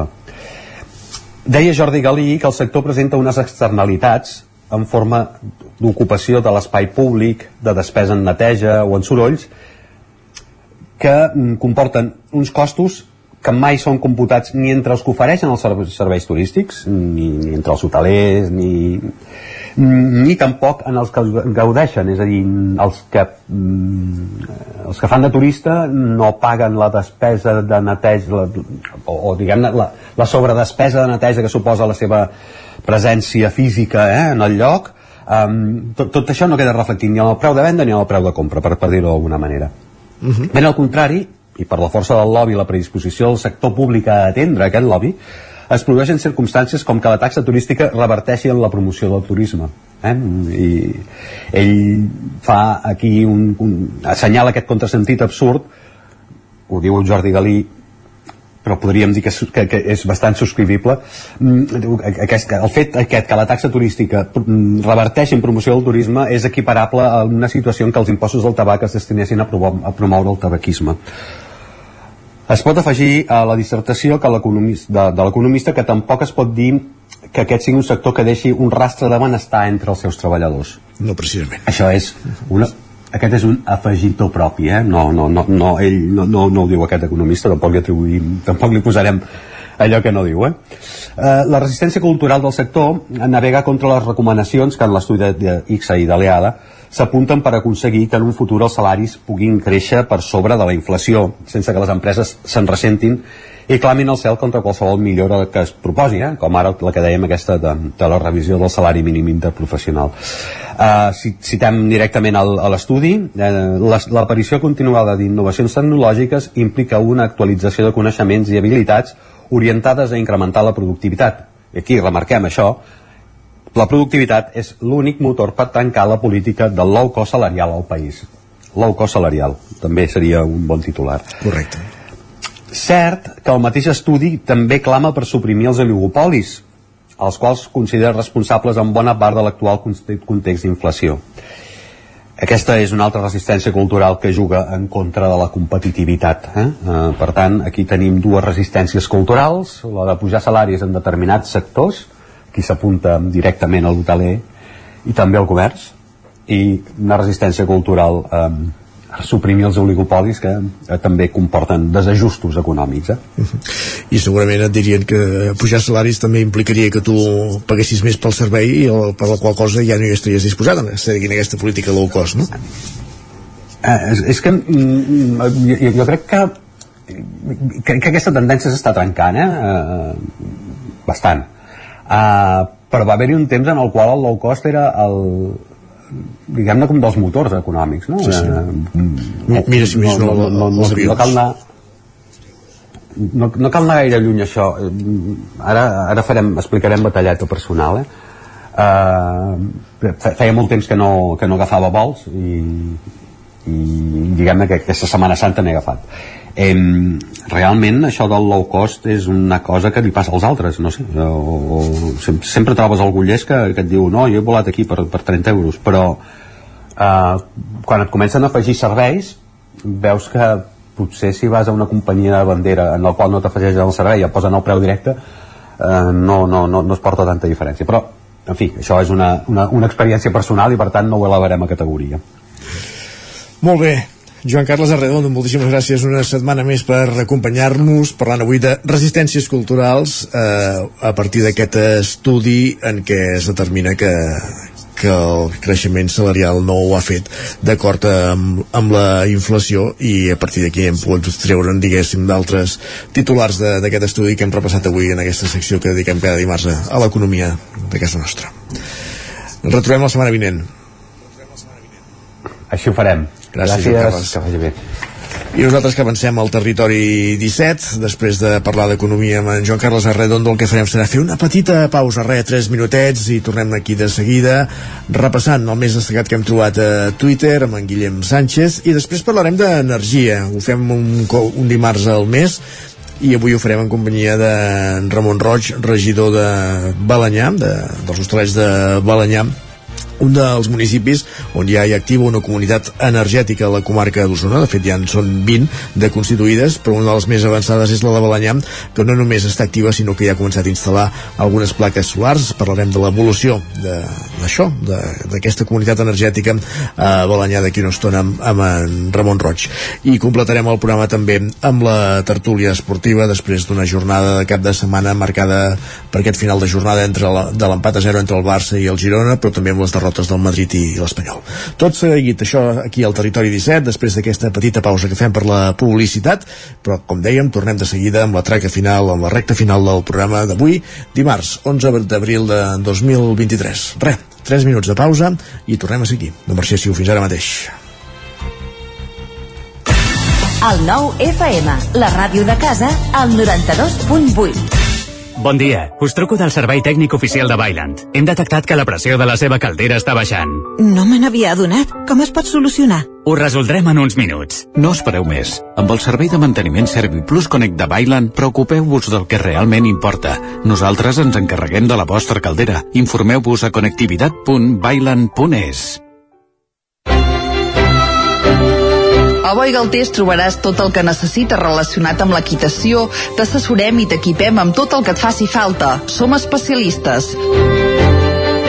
No ho dubtis i vine a Boi Galtés. Ens trobaràs al carrer Jaume I de Vic, número 5, al 93 886 1420, a la nostra web www.boigaltés.es i també som a Instagram boigaltés.equitació. Ser a prop vol dir veure les coses més bé. Apropa't al que t'interessa amb la xarxa Més. La teva plataforma audiovisual de qualitat, proximitat i gratuïta. Gaudeix dels continguts de més de 30 televisions locals i podcast quan, com i on tu vulguis. Entra a la xarxa més.cat i descarrega't l'app. Cocodril Club. Si t'agrada la bona música dels anys 60, 70 i 80, escolta el 9 FM els matins de dissabtes i diumenges d'11 a 1. És el temps del Cocodril Club, tot un clàssic de la ràdio, amb les bases del pop-rock, les llegendes, les cançons que s'han convertit en autèntics himnes. Recorda, dissabtes i diumenges al matí, d'11 a 1, al 9 FM 92.8. Cocodril Club, el programa revival de l'Albert Malla. Hasta luego, Bon dia, són les 9 al Territori 17. Demà Miquel Parella. Cada matí i durant dues hores t'acompanyem i et posem al dia de l'actualitat de casa nostra. Potenciant així l'autonomia En aquest cas me la peça el taler si no... Cursos per feminitzar el pensament masculí.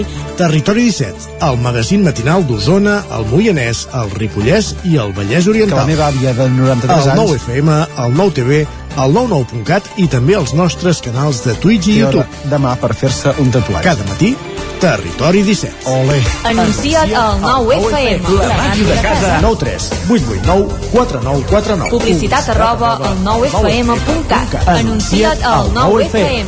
La publicitat més eficaç. Ser a prop vol dir veure les coses més bé. Apropa't al que t'interessa amb la xarxa Més. La teva plataforma audiovisual de qualitat, proximitat i gratuïta. Gaudeix dels continguts de més de 30 televisions locals i podcast quan, com i on tu vulguis. Entra a la xarxa més.cat i descarrega't l'app.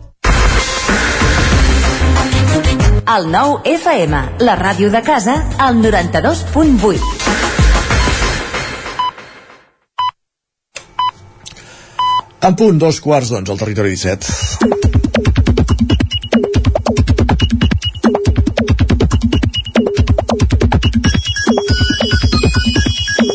I a dos quarts d'onze, com cada dia, fem un cop d'ull ràpid a Twitter en companyia de Guillem Sánchez, aquí ja saludem, el tenim a l'estudi. Benvingut, Guillem, bon dia. Benvingut i ben recuperat.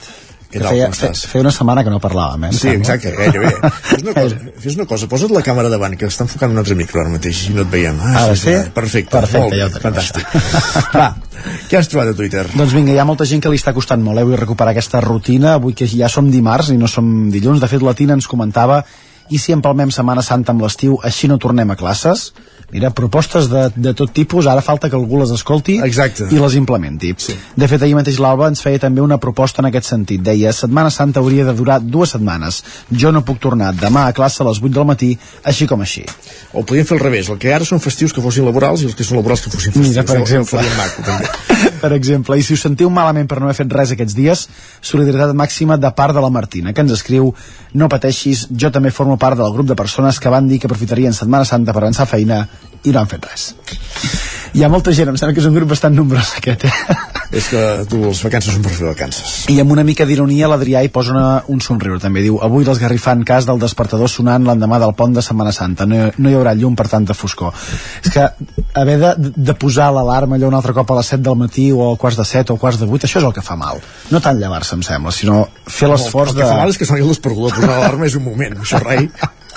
Va, i no sé si aquests dies de festa us ha passat el mateix que a l'Eric, que ens escriu en un pub amb els amics s'acosta un grup de noies i en parla una d'elles, parlant molta estona, comences a pensar, ostres, quina noia més interessant, fins al moment que diu, perdona, em pots presentar al teu amic? La vida sempre et porta a ser el simpàtic del grup. Ja està bé. Hi ha d'haver també gent simpàtica. Podríem estalviar un pas, no? Tant per tant. Directament, directament. Va, i m'ha agradat per això el que li afegeix un dels usuaris al seu missatge que li diu la resposta és, ah, vols dir el que es casa en 15 dies? Això et dona sempre una bola extra però s'ha de ser bona gent, no? Exacte. S'ha de ser Sí, una sí. mica de bona gent. Va, dies de festa que han servit a molta gent per viatjar, fer turisme i descobrir equivalències de preu com aquesta que ens està cansant-hi. Diu, mig entrepà a les Borges Blanques equival a un entrepà triple a Gràcia i a meitat de preu. Doncs mira. El que fa la capital, el que fa la capital. Va, i parlant de coses de menjar, suposo, Isaac, que has pogut tastar i menjar una mica de mona, no, aquests dies? Una mica. I que Dues- estava dues bona? miques, i tant. Dues, dues miques? Sí. Què vol dir això? De dues mones diferents. Ah, de dues mones diferents, val, val. L'Helena ens comenta un fet que no sé si s'ha repetit a diverses cases d'arreu de Catalunya.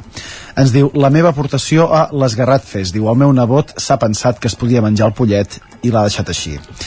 Jo recomano que qui vulgui mirar com ha quedat aquest pollet eh, entri al Twitter i busqui l'usuària eh, arroba leni barra baixa 11 Molt bé. Leni barra baixa 11 per veure com ha quedat un pollet després de ser devorat quan no havia de ser devorat. Va, i una altra reflexió és el preu potser una mica de les mones, no Isaac?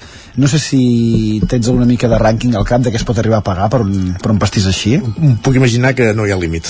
Que no hi ha límit, va, perquè de fet en Xavier té una teoria al respecte que diu si la mona de Pasqua ha desplaçat, diu, el tortell de Rams, simplement és perquè la mona es pot fer pagar més cara. Diu, ningú et comprarà un tortell a 70, 80 o 100 euros. Mai diguis mai un mai. Una mona sí. Ostres, pagar 100, 100 euros per una mona?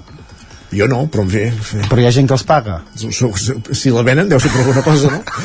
Va, i un altre debat. Fins quan s'ha de portar la mona al fillol o fillola? Uh, també he vist divers- diverses respostes al respecte aquests dies. Eh que sí? Un exemple, el de l'Anna, que diu tinc 39 anys i la meva padrina encara em regala mona. Sembla molt, però no hem arribat al límit perquè li respon en Jordi que li diu m'acabo n'acabo de fer 63 i ahir vam menjar la mona amb la meva fillola de 55 i més gent, és clar Doncs sí. home Tu continues rebent mona, tu, a aquestes teves edats? Uh, jo no continuo rebent mona i crec que el límit el posem uh, en el meu cosí que en té 18 i el meu pare que és el seu padrí encara li porta Veus? però és el, és el límit que És encara límit. trobo acceptable D'acord. acceptable va, i el debat dels debats es devia donar ahir al vespre i ens el porta l'Aina que diu ser català és esgotador. Avui es mira Crims o el Barça-Girona Les dues coses, nano. les, com, com que les dues? Oh, ja serveix a la carta quan acaba l'una o l'altra. Ostres, però això ja... És una dormir tard. denota això molta, moltes ganes de veure una de les dues coses, eh? Exacte. De fet, el millor comentari que I li cap, fan... de, cap de les dues va ser brillant, jo t'ho diré. De fet, el millor comentari és el darrer que li fan amb aquest usuari que demanava això. Diu, vigila que deixaràs de ser catalana si no fas cap de les dues coses. Molt bé. Jo em falta recuperar el capítol de, de, de, Crims. de Crims. El Barça Girona sí que el van veure, però va, va fer o sigui, va, va servir per fer el primer son, diguem-ho així.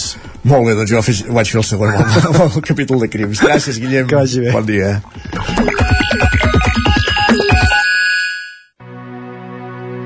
Territori 17. El 9 FM, la veu de Sant Joan, Ona Codinenca, Ràdio Cardedeu, Territori 17.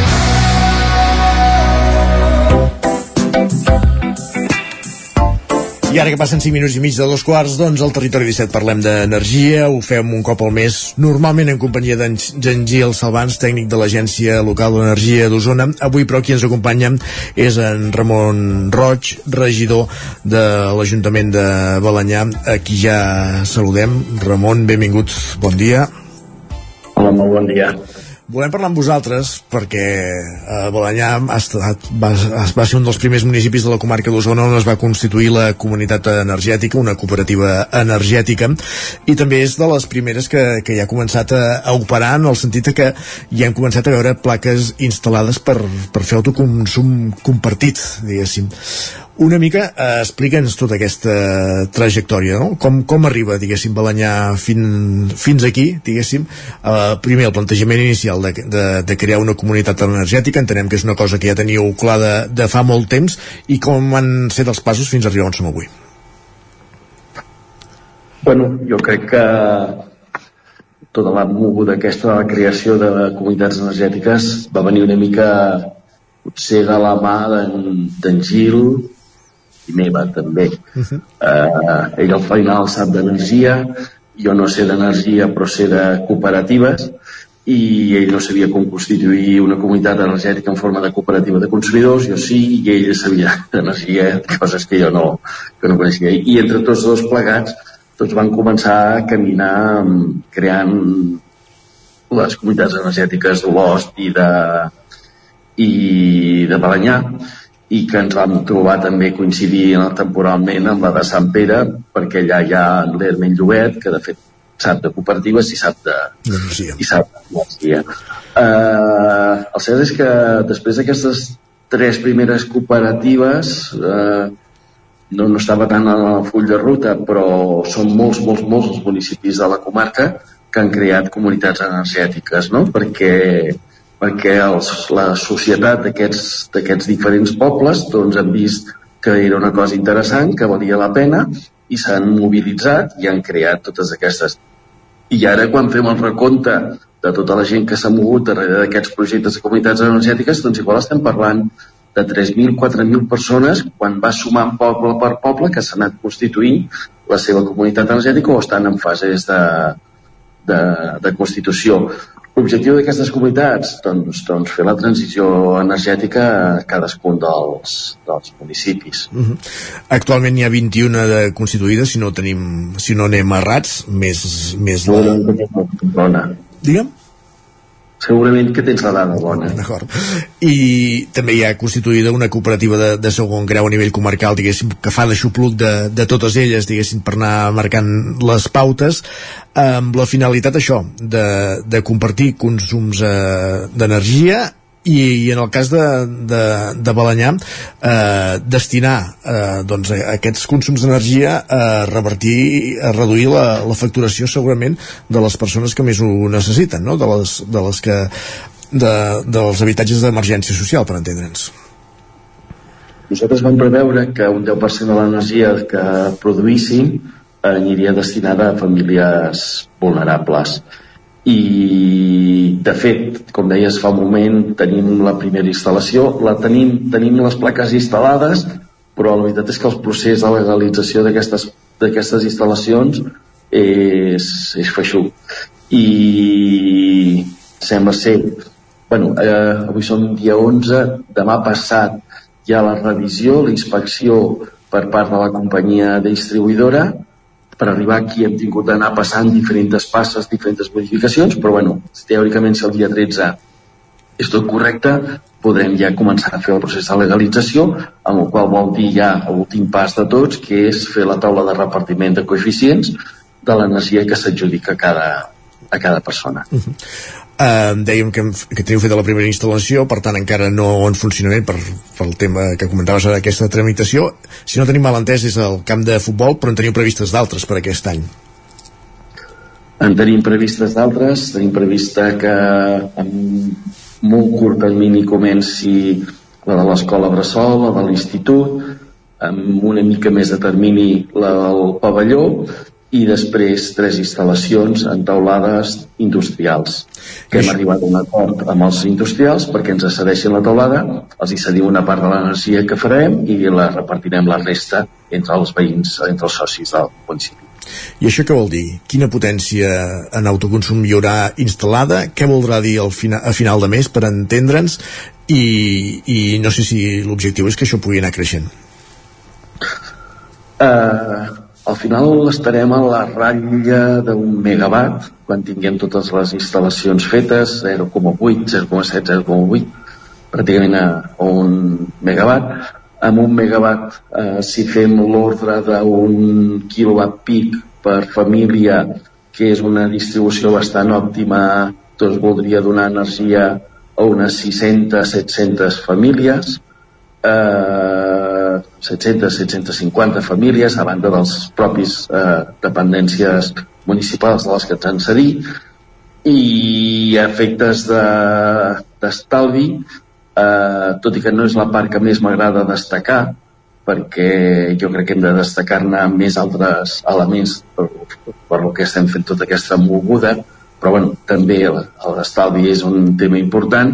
Podríem estar parlant d'un estalvi i això dependrà no tant dels preus que nosaltres venguem l'energia, sinó dels preus que les grans companyies elèctriques ens, ens cobren l'energia, eh, però en preus actuals es podríem estar parlant d'uns 300 euros anuals d'estalvi per, per família.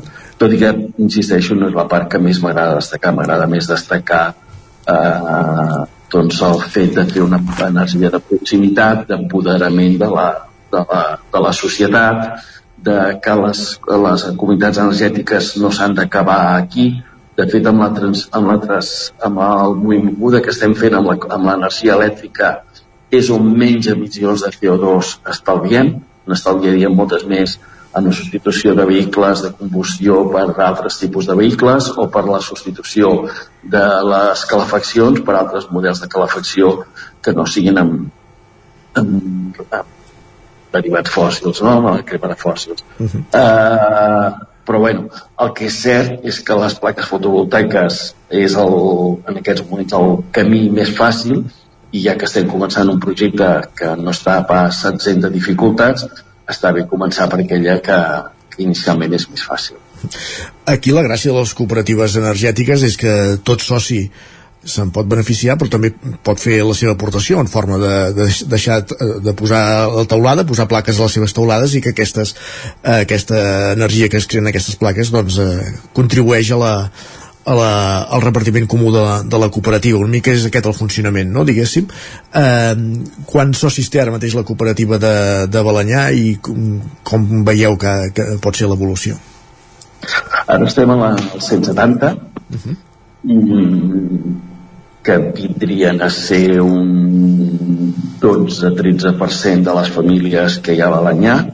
Eh, a Balanyà hi ha uns mil i pico famílies. Eh, bueno, eh, hem, de seguir, hem de seguir treballant per aquesta via i anar-ho eixamplant. També és veritat que som 170 i fins ara hem venut res, o sigui, és, és, és tot fum per dir d'una forma. Sí, sí. O sigui, no, no teníem plaques, no teníem res, passa que la gent eh, es motiva per un projecte d'aquestes característiques i et dona la seva confiança i s'apunta com a soci, fa la seva aportació de capital, que no és una aportació de capital molt gran, però bueno, fan la seva aportació de capital, per tant, des d'aquest punt de vista jo ho valoro molt positivament. Uh -huh i més enllà de l'aportació de capital, l'aportació d'energia que fa cada soci a, a la xarxa comuna, per entendre'ns, per, no sé si... si eh... suposo que... Perdó, suposo que quan comencem a ser capaços de repartir energia, aleshores serà molt més fàcil de que s'apunti molta més gent. Uh -huh. Però em referia a, a, a aquesta aportació comuna, és l'excedent o, o d'entrada es, es, es destina tota a la cooperativa? Com funciona això? Com es reparteix? No, no, l'energia es repartirà tota, tota entre famílies, entre, entre famílies vulnerables i una part també a les pròpies instal·lacions de, que on instal·lem les plaques fotovoltaiques. Abans ens parlaves de, dels objectius o, o, o de les voluntats no? d'aquesta transició energètica eh, i ara el primer pas, com dèiem, és la instal·lació de placa fotovoltaica. Tots aquests altres objectius o propòsits que, que marcaves, eh, reduir l'ús de combustible fòssil, per exemple, tant en l'automoció com en la calefacció, també ha de ser objectiu de les cooperatives? Jo crec que sí. Jo crec que sí, i de fet Balanyà, no dic, ho estem intentant com a mínim, estem treballant en aquest sentit. Uh, un dels punts per al tema de, de facilitar la mobilitat en vehicle elèctric és eh, tenir més punts de recàrrega. En Balanyà no en teníem absolutament cap.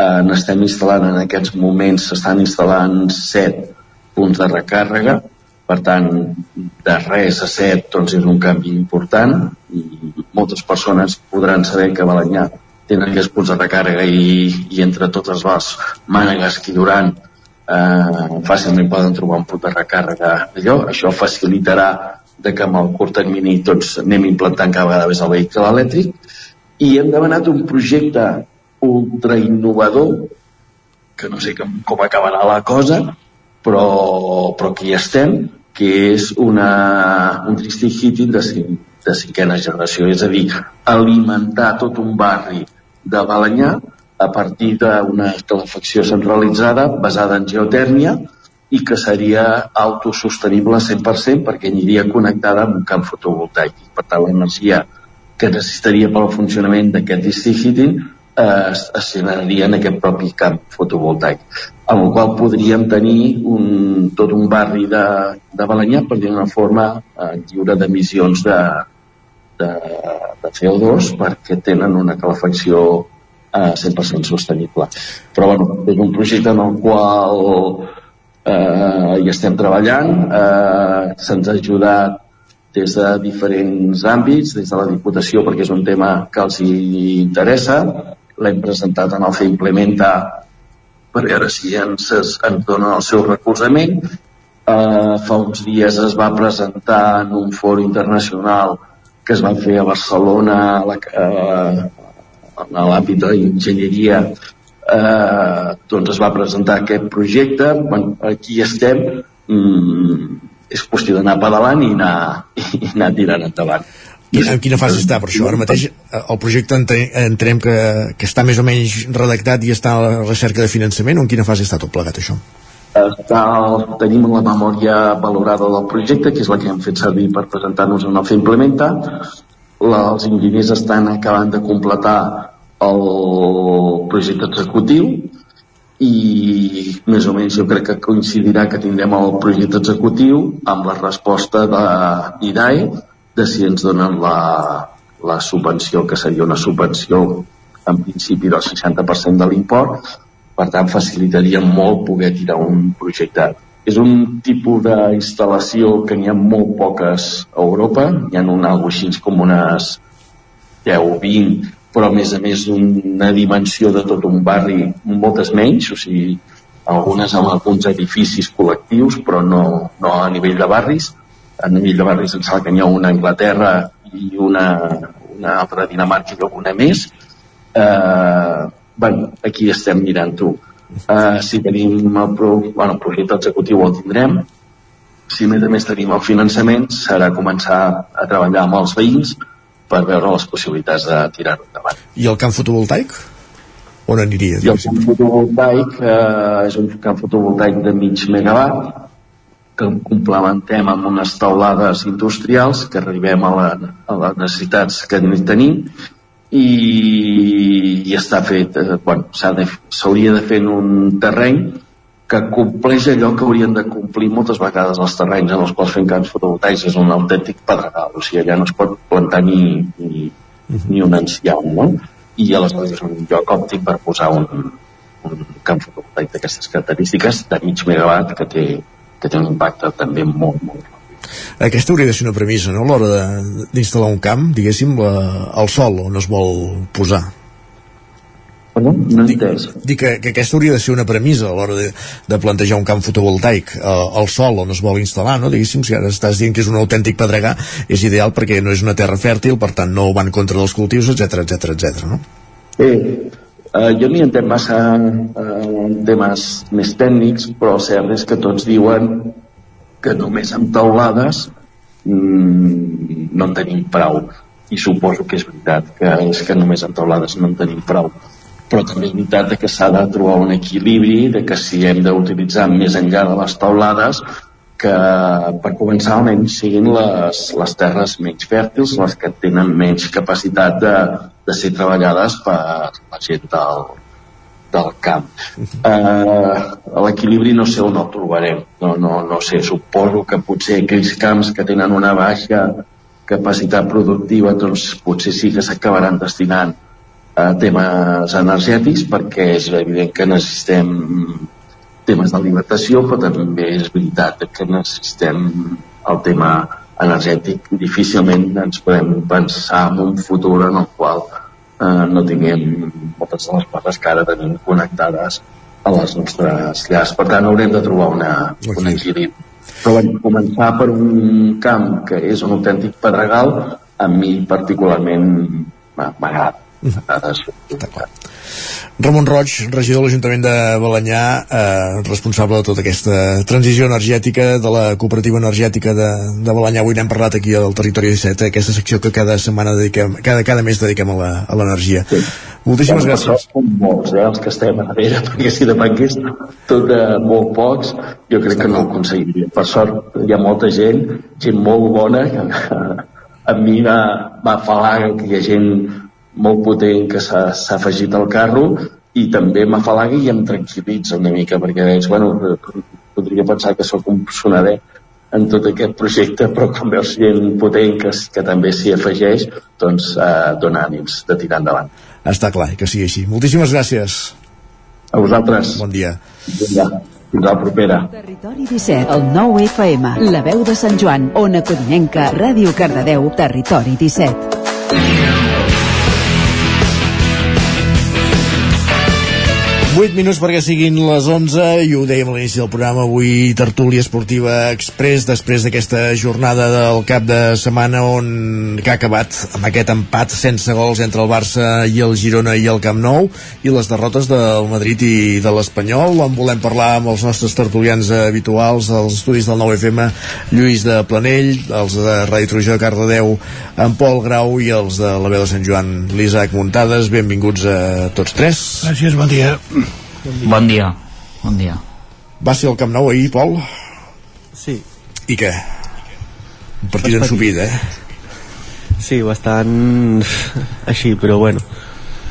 Per, pa- per part del Barça bastant avorrit, per part del Girona van plantar-li cara, jo crec. I Però van- tu creus que algú dels dos volia marcar o com va anar això? A vegades semblava que s'esforçaven No pot fer-ho, eh? sí, perquè l'única que vam tenir no va pecar d'individualisme i no es pot, no es pot fallar això. La d'Antati Castellanos, eh? Sí, la d'Antati. I que, i vas patir, per tant? Sí, vaig patir. O sigui, era un partit complicat que jugaves contra el líder eh, on nou gols en contra i aconsegueixes aquesta segona porteria fora de casa, segona porteria zero fora de casa on crec que l'equip va estar molt bé en bloc i va cometre pocs errors en defensa on va, la defensa de Santiago Santi David eh, és, per mi és una de les millors que té el Girona ara mateix de duo i al final crec que vam aconseguir victoriosos amb aquest punt que és un puntàs, sap a victòria contra un Barça que, que està al líder solitari a, a 13 punts així que veurem com avança Va veure el partit, Lluís, Isaac? Sí, sí, jo. No. No, no. Jo em vaig veure un altre de partit. Ahir? No. Ah. No, no. Un altre partit. Aqu- Aquest vaig veure. és que com que no en parlem, perquè jo crec que és el partit interessant. La Lliga jo crec que no té cap mena d'interès. Vull dir, Ara jo vaig perdut, veure aquest. jo, jo ara m'he perdut.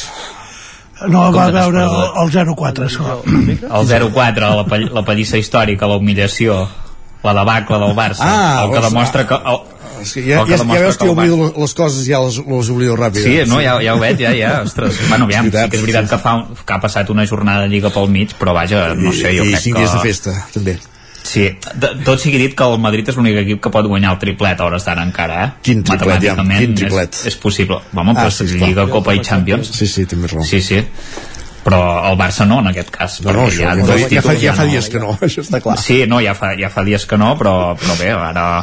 No, no, és que jo no vull parlar del, del partit del cap de setmana perquè és que la Lliga ja no, no interessa pel Madrid. Vull dir, ara estem centrats en les competicions. I, I podem anar cops de puny i cal, i, si, cal. i, cal, i si, si cal i tot, de fet, no? Uh... bueno, no sé, jo no l'he vist el cop de puny. Quan el vegi t'ho diré. No, no, va ser un desastre el partit, està clar, el 4-0, no, no hi ha dubte. Exacte. Però... Sí, sí. No, no és que volia, volia deixar-ho palès per, Ben dit, perquè ben- quedi constància. ben fet, molt bé. Lluís, què dèiem? Home, jo, mm, en quant a la Lliga, és veritat, eh? el, el que diu l'Isaac, que ja no té cap interès la Lliga. Vull dir, inclús eh, si el Barça ho hagués perdut ahir, 12 punts eh, amb, amb 30 en joc eh, són pràcticament insalvables i llavors eh, els El entrenadors Barça de Xavi és capaç de tot, eh? Però Sí, sí, és capaç de perdre qualsevol cosa, sí, és veritat. I el, el que sí és cert també és que sembla que ningú li vulgui guanyar aquesta lliga, perquè, és, esclar, eh, tothom està eh, fallant, però d'una manera excepcional, vull dir que el, el Barça, el joc del Barça tant el dia del Madrid com ahir eh, va ser especialment lamentable. Vull dir que mm, no, no, no, no hi ha cohesió al mig del camp la defensa sí, la defensa eh, eh, actua amb seguretat jugui qui jugui però eh, a davant ja eh, els hi comença a fallar Lewandowski que era qui, qui treia les castanyes del foc en el seu moment i llavors no, no, no tenen alternativa i llavors va dir un, un equip que, que malgrat els problemes que té encara disposa una, d'una plantilla de 700 milions d'euros i fa l'efecte que hauria de enrotllar una mica més. Sí, sí. I per part del Madrid doncs no, no, tampoc eh, entenc aquestes rotacions per d'en l'Ancelotti eh, tenint en compte que el rival era un dels més forts que en aquests moments hi ha a la Lliga Espanyola que com és el Villarreal donar tantes facilitats al Villarreal és, és, és donar la Lliga per perduda. Clar, com que la Lliga ja està donada per perduda, el que fem ja és apostar a tot, tots els ous a, a la Champions, suposo, i, i certament doncs, el partit del Villarreal també al final acaba sent no, no mala sort, perquè el Villarreal també té ocasions i per, per, per marcar-ne algun més, però el Madrid també quan es posa 2 a 1 també hauria pogut fer algun altre gol i segurament hagués canviat, però bé, hi ha, hi ha jugadors que contra el Madrid sempre que marquen guanyen, que Morales em sembla que sempre que ha marcat contra el Madrid ha guanyat el seu equip, per tant, doncs, bueno, són coses que passen. Lluís, no, no es pot lluitar contra l'estadística. Ja em dic que era una tertúlia després, ràpidament, Lluís, eh, mala peça al taler per l'Espanyol, també, eh? Sí, i ja era hora que el club tragués un comunicat eh, queixant-se dels de, dels arbitratges perquè el que va passar a Girona ja, ja va ser gros però eh, aquell mini penal i el gol legal anul·lat a Boret Play el, el dissabte eh, allò ja, ja és de, de jutjat de guàrdia de totes maneres eh, bé, ens ho posen complicat volen que patim fins al final però ara ho deia eh, no sé qui, eh, te- tenim partits contra eh, pràcticament tots els rivals directes. Tenim el Getafe, tenim el Cádiz tenim el València, tenim el Sevilla i vull dir que mm, bé, hem d'intentar eh, sumar aquests punts per, per mm, bueno, passar la temporada com, com hem pogut. Gràcies a tots tres. Bon dia. Bon dia. I acabem també el programa Bon aquí, dia. amb aquesta tertúlia després, i tornem demà a la mateixa hora. Fins aleshores, bon, dimec bon dimarts. Territori 17, un magazín del nou FM. La veu de Sant Joan, Ona Codinenca i Ràdio Cardedeu amb el suport de la xarxa.